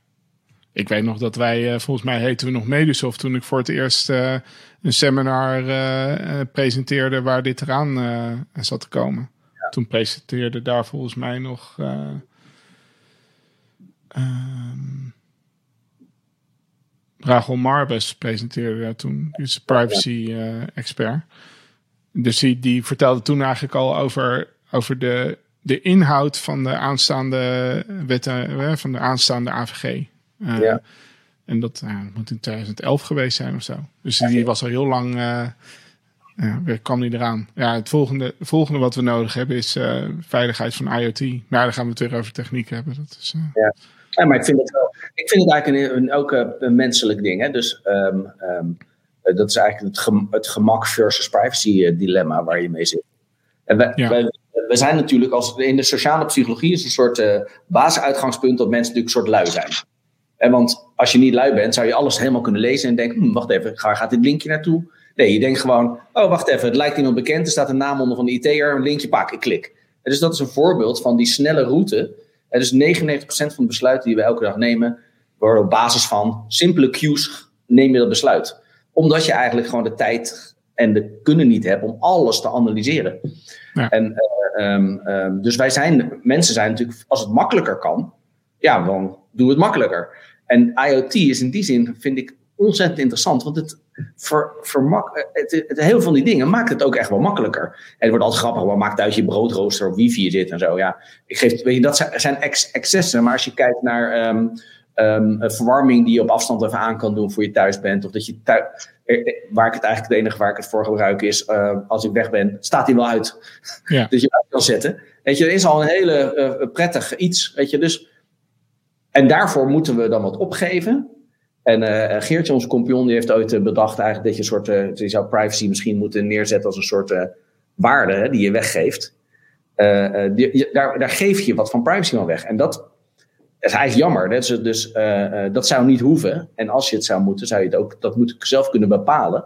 Veel meer wat je doet. En um, dus ik vind IoT juist bij uitstek een, um, het is een, het is niet te stuiten ontwikkeling die, uh, maar vergt ook van mensen wel een andere houding naar techniek. Ja, kijk, eh, en het, waar nu dan aan wetgeving ook wordt gewerkt, is dat als IoT verkocht wordt, weet je wel, dat het dan uh, een aantal technische beveiligingsaspecten minimaal in zich heeft. Bijvoorbeeld, je haalt het uit de doos en dan zit er misschien een wachtwoord op, maar je kan het niet in gebruik nemen voordat je het voordat je eerst het wachtwoord hebt aangepast. Nice. Of uh, updates um, worden geboden. En ook uh, minimaal x aantal maanden na de aankoop. Weet je wel, zoiets. Dus dat, dat dat in wetgeving wordt verankerd. En de, daar had ik het vorige week over met Mies van Ede. Zo hoogleraar cybersecurity van, van de TU Delft. En die zei ik van ja, de, het zijn ook aspecten die we niet nu, nu kan je waarschijnlijk ook al updaten. En nu kan je waarschijnlijk ook al je wachtwoord veranderen. Maar omdat je niet ertoe gedwongen wordt, ja, uh, doet niemand het. Of doen heel veel mensen het niet. En dus dat is één kant van het verhaal. Je hebt echt die, die verankering nodig dat soort van afgedwongen wordt. En aan de andere kant zegt hij van, zij, doen, zij hebben dan vanuit de universiteit ook onderzoek gedaan naar wat voor soort apparatuur er eigenlijk in kwetsbare uh, staat uh, aan het internet is verbonden. En wat voor apparatuur is dat precies? Uh, waar, is dat, waar is dat gebouwd? En hij zegt, er zijn eigenlijk twee grote fabrikanten uit Taiwan en uit China. Die eigenlijk soort van de onder, de, echt de de, de basisfabrikant zijn van die apparatuur. En dit, dat ze in zo'n grote schaal gewoon verbonden met het internet op een onveilige manier. Dat, het, ja, dat als je die twee al zou, zou zover zou krijgen dat ze het beter zouden doen, dat dat dan een heel groot effect heeft. Maar dat, dat is gelijk wat er dan gezegd wordt. Van het moment dat je allemaal eis gaat stellen aan die IoT-spullen. Uh, dan is dat vooral een belemmering voor westerse bedrijven die zich netjes aan die spelregels willen houden. Maar al die spullen die via AliExpress uit Taiwan en uit China komen, dat, uh, daar ga je nooit controle op, uh, op krijgen. Dus ja, ja, hoeveel effect zal het hebben? Er de menselijke kant bij. En dus ja. moeten zich bewust zijn dat als ze dat soort dingen kopen, dat ze een risico lopen. Ja. Um, um, dus kijk, ik vind het heel interessant um, het afdwingen van veiligheid tegenover het. Uh, uh, dus door gewoon het onmogelijk te maken dat je geen sterk wachtwoord is natuurlijk heel goed. En maar nog steeds, als er iemand dan een heel moeilijk wachtwoord doet dat hij op alles ook weer herbruikt, dan heb je weer alweer een probleem. Dus het ja. menselijke aspect is daar belangrijk in. En je kan een risico lopen als je uh, te veel zegt, we regelen alles bij uh, helemaal wet hoe het moet. Dat je dan weer mensen ja, maar dat is toch dan de overheidsverantwoordelijkheid. En dat ga je nooit helemaal redden, want je zal ook, mensen moeten ook zelf die verantwoordelijkheid gaan nemen. Um, en daarover na gaan denken. Of niet, maar dan is het een keuze. En kijk, ik vind het ook niet zo erg als iemand zegt, ja, maakt mij niet uit, ik flikker alles wat ik weet op het internet. En het, het maakt me niet uit wie het weet. Ik denk persoonlijk dat je, dat, een keer, dat je erop terugkomt een keer, maar het is een, maar het, het probleem is dat het voor heel veel mensen niet een keuze is, maar meer een soort, ja, ik weet eigenlijk niet precies hoe het niet zo is. Zal, iedereen weet nu toch alles al wel. Uh, ja, ja en, goed, uh, het, het, het zit hem ook uh, daarbij ook een klein beetje, vond ik, en uh, wat, wat, wat met Cambridge Analytica een klein beetje uh, duidelijk is geworden, dat, dat het er ook niet dat je ook in tweede instantie het slachtoffer kan zijn daarvan. Dus als, als iemand in jouw kennissenkring heel open is en alles deelt, dat ja, als er maar genoeg mensen in jouw kennissenkring dat doen, dat er ook heel veel over jou eigenlijk bekend is daardoor. Weet je, en, en kleine stukjes informatie gaat, wat jij in het begin al zei. Hè, dus als je een beetje informatie hier hebt en een beetje informatie daar en een beetje informatie daar, en je combineert dat, dan heb je in één ja. keer hele rijke informatie. Dus ik geloof dat dat, eh, dat, eh, dat heel veel uh, bedrijven maken gewoon gebruik van, uh, van uh, informatie die in essentie open source is. Maar door het, ja. door het, het, combineren van die databases hebben ze in één keer hele, hele gevoelige gegevens. En dat, ik geloof dat dat wel de, um, ja, dat zit daar dan ook achter. Ja, dat is trouwens ook een heel interessant ding hoor. Dat, in, de, in security research heb je heel veel partijen die bezig zijn met het vergaren van allemaal open source intelligence. Dus informatie die ja, openbaar beschikbaar is, of in ieder geval benaderbaar. En, maar ja, vervolgens wordt dat opgeslagen natuurlijk, om daar iets van analyse op te kunnen doen of rapportage op te kunnen doen. Maar ja, dus je hebt die data verkregen ergens vandaan. Je mocht er ook bij, je kon erbij. Dus dat op zich niets verkeerd, maar vol slijt op. En als dat dan vervolgens weer toch eigenlijk ook weer persoonsgegevens bevat. Wat, zeg, wat wat doe je dan eigenlijk met die opslag, weet je wel? Ja, dat is best een interessante... Als je vijf type data combineert van iemand, dan is het heel vaak makkelijk te herleiden naar persoon. En dan ja. valt AVG daaronder. Overigens, wat wel interessant is, dat de AVG wel specifiek uh, uh, aangeeft dat als jij bijvoorbeeld geeft, je zegt ja, het zijn geen persoonsgegevens, maar stel er is een openbare database die je zou kunnen combineren, waardoor het te herleiden is, mag je ja. ze toch niet dus het is, er, er is wel al een, een soort voorschot opgenomen op, die, op het combineren van data van, van open source databases. Ja, hey, waar ik het ook nog even benieuwd naar was, want uh, wat af en toe zo'n beetje oppopte, zeg maar, de phishing simulaties. Hè? Dus phishing tests uh, doen. En dat aan de ene kant ook een beetje controversieel is, omdat daar af en toe daar gewoon, ja, dat het een beetje fout gaat. Volgens mij was het laatste voorbeeld wat ik uh, weet is van uh, GoDaddy, volgens mij, die intern een, uh, een grote phishing campagne hadden gestart. En dat, ik weet niet, een of ander scenario hadden bedacht, wat dan heel verkeerd viel bij de medewerkers. Um, maar wat is jullie kijk erop? Is phishing, is dat nog steeds wel echt een waardevolle manier om iets te helpen aan gedragsverandering, zo'n test uitvoeren? We hebben wel veel vragen, hè, Arthur? Dat is wel een van de vragen. Ja, die heel veel, ja. De CISO's en zo, die willen altijd graag. Uh, het is wel een van de dingen die mensen graag willen doen. Maar even... ja. Zeg maar, Tuur. Nee, ja, nee, ja zeker. Zijn, eigenlijk uh, bijna elke offerte zit phishing uh, bij. Voice phishing doen we ook veel. Dus gewoon mensen kijken of we mensen via de telefoon gegevens kunnen ontfutselen. En het is wel mooi, want het geeft natuurlijk ook echt gewoon even een goede simulatie weer. En we hebben een eigen phishing methode ontwikkeld. Dus wij nemen het eigenlijk volledig voor organisaties uit handen. Um, en hebben ook een strategie bedacht waardoor we ook een soort kunnen benchmarken op een eerdere phishingronde. Zodat je ook naar de hand van je campagne ook kan zien wat er gebeurt rondom phishing. Dus ja, zeker een hot item nog bij ons. Ja, alleen dan is het dus vooral zaak om heel goed na te denken over je scenario en dat je niet te veel. Uh, in het verleden hebben we die fout zelf ook een keer gemaakt met een niet nader te noemen postorderbedrijf, zullen we maar zeggen. Dus uh, nou, een keer was eigenlijk de mail meer opgericht van dat je een soort boete zou krijgen. Dus gingen mensen eigenlijk meer de klantenservice bellen van dat bedrijf in plaats van dat ze op de link klikten of de mail verwijderden. Dus we hebben ook wel eens wat lesjes geleerd daarin.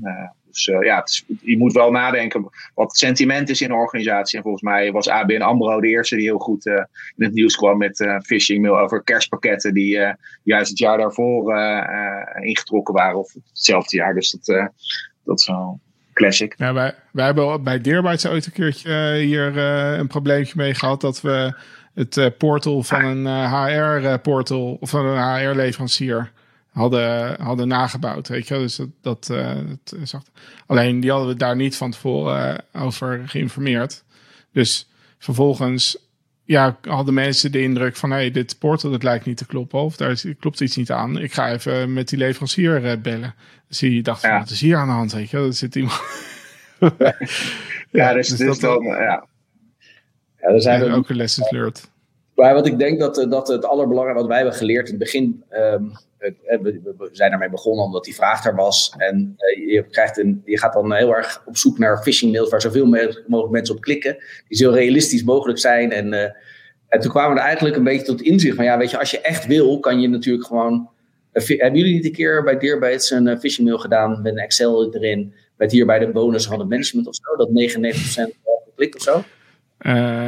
Nee, volgens mij niet. Maar dit. dit ja, nee, die hebben volgens mij wij, wij, wij wilden, zeker als het intern was, wilden we nog wel eens een keertje soort van echt uh, ver gaan. Ja, maar uh, uh, nee, die, die volgens mij niet. Maar die, ik herken dit soort voorbeelden wel, want er wordt ook wel af en toe over gepubliceerd, omdat dat soort dingen dan ook verontwaardigd vanuit medewerkers naar buiten worden gebracht, weet je wel. Kijk, en dat is denk ik, moet, gevaar van phishing is dat het een soort medewerkertje plagen wordt. Het mensen ervaren het als iets negatiefs. En dat is wel iets waar we nu, hè, daar zijn wij ook door, zoals Arthur vertelde, door schade en schande uh, wijs geworden. En we zien het nu, we hebben echt een hele visie op phishing, hoe je het kan inzetten als een leeromgeving om iets te leren. Want ja, het blijft natuurlijk wel, ja, dat, wat ik lees is dat 90% van alle hacks toch vaak beginnen met phishing en klik ergens op. En dus de dreiging van buitenaf van phishing is natuurlijk gigantisch hoog. En uh, laten we eerst zijn, bij, ook bij niet al te moeilijke phishing mails krijgen wij zeg maar tussen de 10 en de 25 procent van de mensen klikt vaak. En dat zijn een beetje toch de getallen waar je heel vaak snel tegenaan loopt. En dat betekent dus met een organisatie van duizend man, hè, dat je dan gelijk een behoorlijke 200 man hebt die hebben geklikt en je hebt er maar als hacker één nodig. Ja. Dus um, het is heel, echt heel belangrijk, heel belangrijk onderdeel om mensen op te trainen. Alleen denk ik dat gewoon door allerlei random phishing mails te bedenken en ze de organisatie in te schieten en, dan, en dat, dat, dat niet de methode is. Het, is. het vergt echt een goede strategie om uh, een combinatie van phishing simulatie en leren te maken, waardoor mensen denken: hé, hey, wacht even, hier, dit levert mij echt wat op. En ja, uh, uh, ja dat, dat, dat, dat is wel echt een uitdaging. En die is ook heel, heel belangrijk volgens mij. Ja, ja, nou ja goed. Ik, ik, merk het ook hoor. Dat het gewoon. Het is een soort van. Um, ik weet ook nog vanuit de tijd bij Deerbytes. Dat soort van wij waren dan ISO gecertificeerd. En als gevolg daarvan, min of meer, of nou, niet per se door de certificering, maar ja, als je ISO gecertificeerd bent, dan heb je een, eh, een Information Security Management systeem. En daarin verplicht je jezelf eigenlijk min of meer om op regelmatige basis dingen te doen. En nou, dan heb je dus ook iets nodig voor user awareness. En dan ja, was het ding wat wij dan met onszelf hadden afgesproken, van om op regelmatige basis een campagne uh, te doen. En nou, dat was dan Patrick van der Rijt, die kennen jullie denk ik ook nog wel. Die, had dan, die beschreef het dan altijd als een ludieke actie. Dus oh, we gaan weer een ludieke actie bedenken. En dat kon dan, dat, dat was dan soms een phishing test. Dus inderdaad echt mensen mail sturen of iets dergelijks. Maar soms was het ook iets heel anders. Ik, ik ken wel een, uh, uh, bijvoorbeeld een, uh, een campagne, dacht ik van ja, dit, dat, dat is een soort van kansloos. Het gaat niemand herkennen. Het was een, hadden ze een, soort van slimme dongel gemaakt die aan de printer hing. En de, er was dan bedoeling van dat moeten mensen herkennen dat er ineens iets heel geks in die printer zit. Wat uh, misschien toegang krijgt tot, uh, tot ons systeem. Of hij zat er ergens in een wall outlet ergens, weet je, maar een soort van weggestopt. Toen dacht ik, ja, uh, dat als je dat gewoon out of the blue ineens zo doet, zonder inderdaad daar iets van ja, ja kennis of zo omheen te, te, te brengen.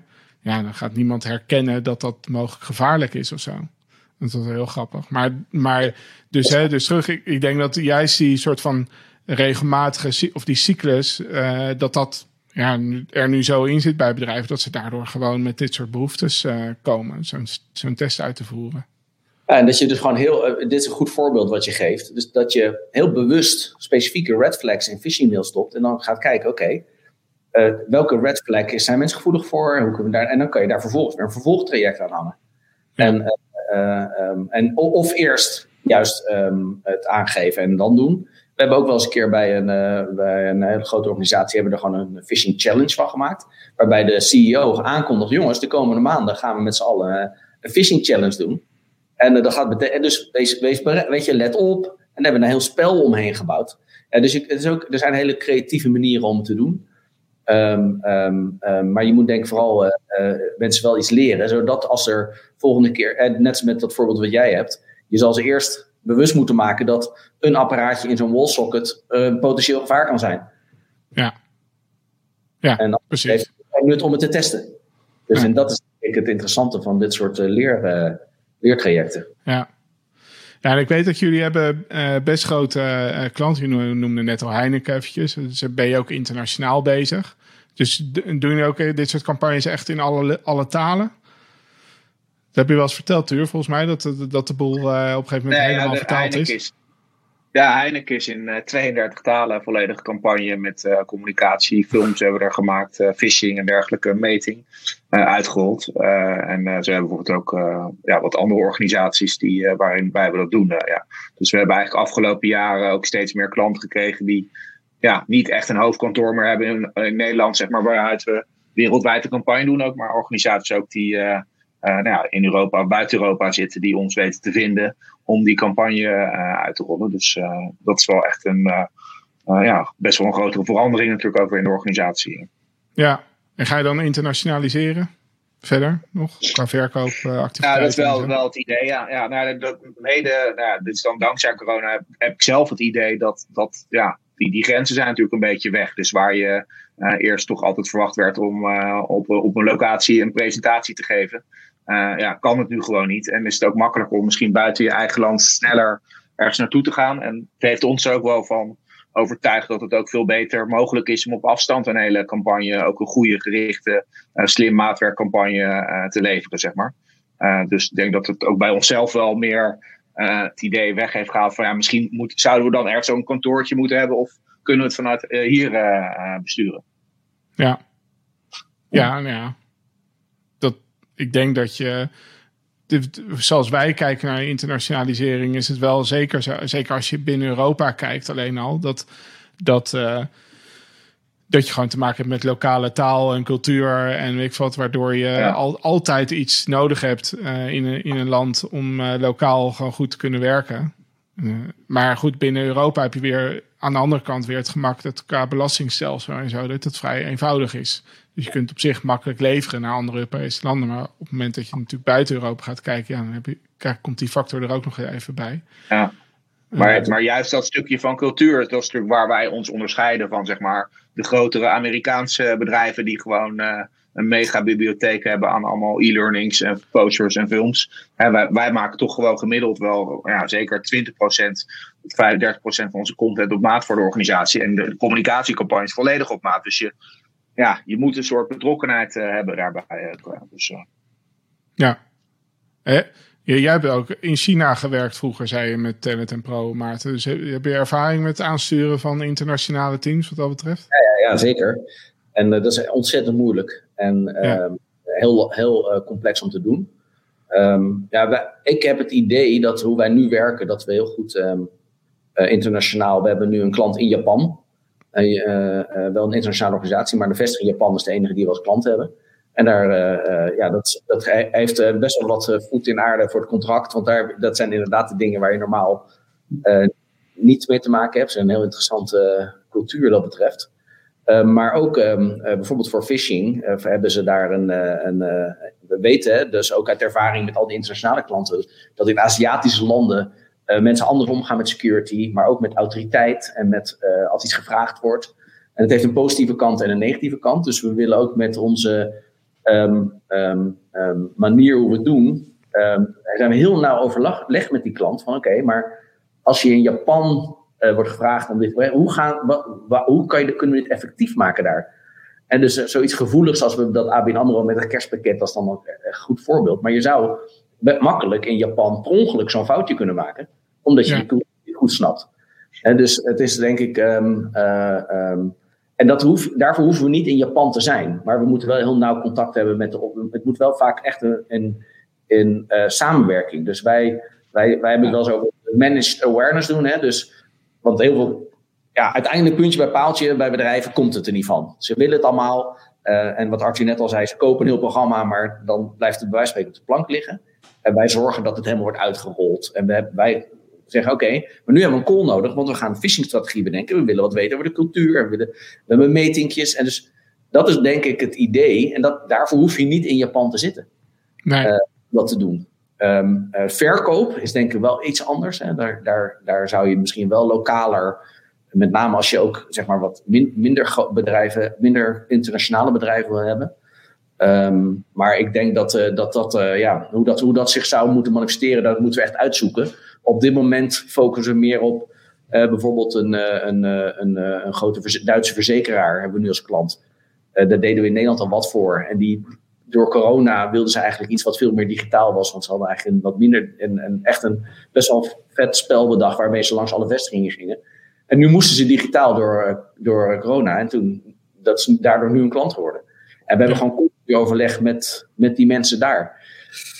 En dat netwerk, die kennen weer mensen. Dus dit weer ergens anders. Daar hebben we wat leads in Duitsland. Dus ja, je kan vaak ook ja, door de referentie te gebruiken van die klanten verder komen. Ja. Mits je gewoon heel goed werk oplevert. Ja, gaaf. Ja, we, hebben, we hebben bijna bij, al, alle programma's ook wel echt een programmamanager aan de andere kant ook zitten, zeg maar. Dus uh, uh, dat is dan ook wel nodig. Ja, en die, en ja. Dat is natuurlijk best, dat weet jij denk ik nog veel beter. Wij beginnen er net een beetje aan te ruiken natuurlijk. Maar die, die internationale security CISO's en zo, dat is best een klein wereldje die elkaar gewoon tegenkomen op congressen en in calls en dingen. En die dat ook delen. We hebben echt via hele grote internationale klanten, hebben die Japan hebben we binnengekregen via een hele grote bedrijf waar we ook zaken mee doen, die elkaar gewoon af en toe spreken. Ja. ja dat is ook wel, dat vind ik heel, dat is een voordeel misschien wel van deze wereld. Maar ik weet niet hoe jij dat ja. ervaart. Ook, uh... Ja, nou, wij richten ons uh, bewust op een heel ander segment. Uh, hè, dus uh, proberen juist iets te bieden aan het MKB. Overigens, we zijn ook wel een beetje dubbel hoor. Want als wij bezig zijn met bijvoorbeeld, nou, hoe vindt die online datahandel precies plaats tussen criminelen en daar een workshop of iets ergens over geven, ja, dan komen we automatisch wel weer bij wat grotere bedrijven over vloer. En dan praten we ook met, zelfs met politie en weet ik wat allemaal. Dus daar zijn we ook mee bezig. Vinden we ook heel erg leuk om te doen. Maar als bijvoorbeeld hè, die app waar we nu mee langzamerhand bijna mee klaar zijn. Ja, die richt zich echt op het MKB. En ja, daar is dat natuurlijk niet zo. Hè? Daar is zelfs geen, geen CISO. Dus dan heb je een heel, ander, heel andere wereld. Maar zeker bij die bij die grotere corporates en enterprises, ja, daar is dat wereldje inderdaad heel erg klein. En daar, daar heeft het ook echt heel veel zin om uh, te kijken naar conferenties en uh, daar aanwezig zijn op de een of andere manier. En ook, je hebt meestal die conferenties, dat ik noem maar wat, uh, Black Hat of Defcon of RSA of weet je, die grote in, in Amerika. En die zijn over de hele wereld. Die openen een half jaar van tevoren een soort van uh, request voor presentations. Dus dan kan iedereen eigenlijk hun content naar sturen. En dat is meestal een heel goed platform om dat soort lui te bereiken. Uh, omdat ja, het gewoon heel leuk vinden om die conferenties af te gaan. Ook inderdaad juist met die andere CISO's te praten. Maar ook wel om gewoon dit soort nieuwe ideeën op te halen. Uh, dus, uh, En het is ook heel leuk om te doen. Ja, en awareness is in die zin ook wel echt een onderwerp wat, wat ze graag op de agenda willen hebben. Ja, zeker als je daar dus inderdaad echt data en onderzoek over hebt. Nou, je ja. hebt natuurlijk op de NCC toen al een keertje gestaan. Ja, dat is denk ik altijd relevant. Ju juist een keer wat een ander verhaal dan wat er meestal wordt verteld. Ja, we worden wel gezien, zeg maar, met contact die we in Amerika hebben. Daar noemen ze ons altijd een challenger. Hè? Dus dat we echt de, dat we echt de gevestigde orde, dat we echt anders aanpakken. En dat is denk ik ook wel uh, the way to go daar. Ja, want, ja ze zoeken, dat, dat is ook interessant van, van security awareness. Het is natuurlijk een proces en geen, weet je, op een gegeven moment wil je weer verder. En dan hebben ze een paar jaar leverancier X gehad en dan willen ze ook weer iets nieuws. En dan zullen wij ook andersom uh, tegen gaan komen. Uh, en dat is denk ik ook helemaal niet erg. Um, als je een drie jaar programma hebt, dan kan ik me best voorstellen dat je een keer zegt, we proberen wat anders. Maar wij proberen wel vanuit onze visie continu iets nieuws te bedenken. En die, die innovatiekracht, die wordt heel erg gewaardeerd internationaal. Omdat ja. toch, uh, ja, anders, de meeste andere bedrijven, die, dat gaat gewoon veel langzamer. En die houden het heel erg bij wat ze hebben. En er wordt wat uitgebouwd. En wij ja, zijn eigenlijk continu opnieuw op zoek naar nieuwe middelen dat komt ook door onze klanten, want die zeggen, joh, uh, uh, Awareways, uh, jullie hebben nou drie jaar gedaan. We willen eigenlijk door, maar ja, we hoeven niet nog een keer het programma van volgend jaar.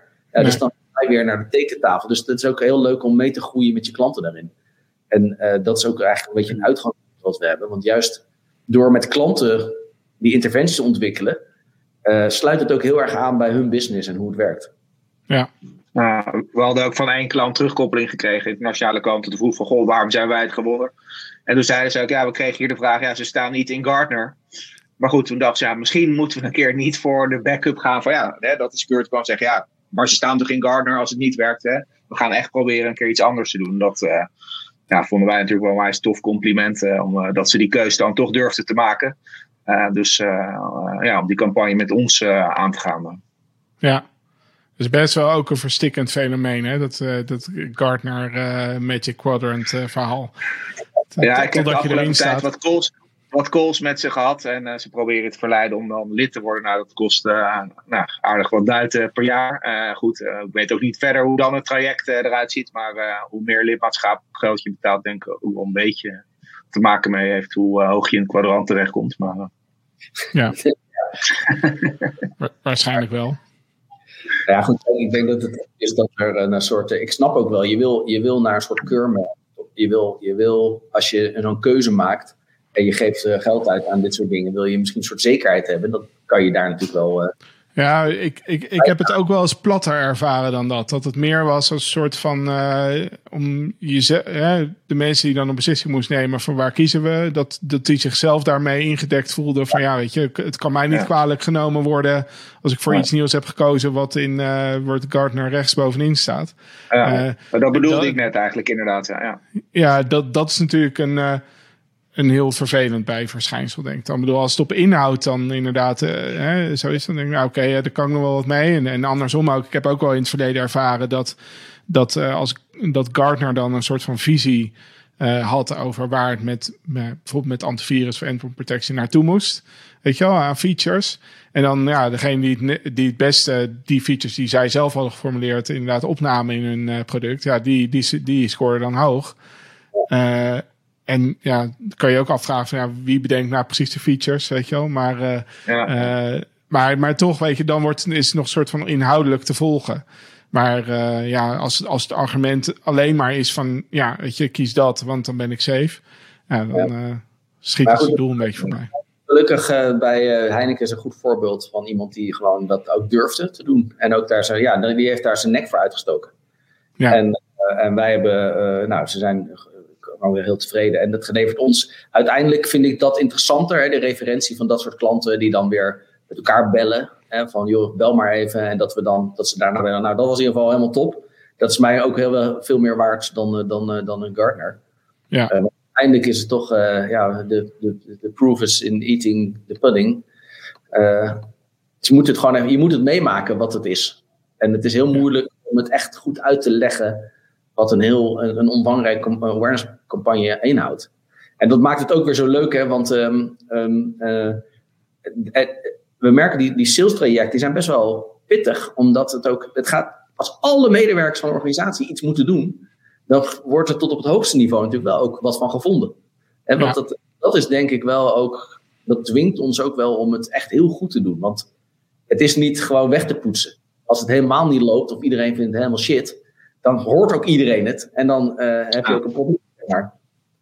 Dus het is best wel een. Uh, het is een, dat betreft een heftige. Uh, als je een, een technische oplossing implementeert aan de achterkant, dan zal niemand merken. Maar als jij, dat zal misschien met software ook zo zijn. Als je de morgen iedereen een nieuwe versie geeft van een soort virussoftware, waardoor iedereen's computer langzaam wordt, ja, dan heb je wel een probleem. En dat, die zichtbaarheid, die is natuurlijk heel erg kenmerkend voor dat awareness trajecten. Ja, ja. Er was nog een vraag binnengekomen. Dat kan ook, hè. Mensen die dit kijken, die kunnen, kunnen nog vragen stellen ook. Dat is deze. Pam. Ciano. Waarom is het zo moeilijk phishing te achterhalen? Wat gebruiken ze? Is een beetje... Ja, we hebben het natuurlijk net over gehad, over phishing. Is een beetje een... een lijn, ja. Ja, ik denk dat je hier een, eh, een hele podcast over kan vullen, ongeveer, op, uh, bij dit antwoord. Uh, maar ik denk dat op zich phishing e-mails best heel vaak worden, worden herkend als zodanig. maar ja, die paar die er gewoon doorheen glippen, die komen mogelijk uit gehackte mailboxen. Waardoor de bron, de verzender van, van de e-mail op zich gewoon legitiem is. Alleen dat diens mailbox dus misbruikt wordt. Uh, dat, dus dat is een mogelijkheid. Dan is het al veel moeilijker om het, om het te herkennen door een uh, server of zelfs van nou, dit is verdacht. En daarna gaat het om ja, inhoud. Uh, nou, er zijn allerlei tools voor om inhoud van e-mail te scannen. op woorden en op URL's en dat soort dingen. Je kan ook zelfs als mensen op een URL klikken. de URL die dan geopend wordt, eerst weer door een andere wasgaat heen halen. Maar ja, dat staat allemaal standaard niet aan. En uh, dat is dan één deel van het verhaal. Het andere deel is dat met phishing dat, dat iedereen heel snel aan, aan e-mail denkt. Maar je hebt steeds vaker dat phishing eigenlijk ook via allerlei andere kanalen komen. De, komt, ja, je noemde net al voice phishing. Maar ja, we hebben ook de laatste maanden veel uh, voorbij zien komen over sms-phishing en WhatsApp-fraude. En dat, daar heb je gewoon dat soort uh, vormen van beveiliging niet voor, als hier voor e-mail langzamerhand uh, wel zijn. Ja, dus, dat die spearfishing enorm toeneemt. Hè? Dus uh, ik hield laatst een presentatie gewoon in Utrecht voor MKB-ondernemers over cybersecurity. En toen uh, vroeg ik, ja, eh, vertelde ik over spearfishing. Vroeg ja, wie heeft er wel eens mee te maken? En dan sta ik gewoon zes, zeven mensen van die 70 mensen hun hand op. Dat ze al wel eens een keer een mailtje hadden gehad. Echt namens de directeur of financieel naar een andere medewerker. Die over het algemeen nog wel knullig was of in het Engels of iets. Uh, alleen daar heeft dus het feit al hè, dat iemand al echt de moeite heeft genomen om voor een kleine organisatie een apart mailtje te ontwerpen. Dat is ook wel uh, een, een, een, hele. Uh, en die zijn natuurlijk ook. als je naar een organisatie 200 mails stuurt, dan zal dat denk ik sneller doorkomen dan de, en als je miljoenen rondstuurt. En dan pakt ergens een spamfilters op en dan komen ze op blacklist en dan wordt die gestopt.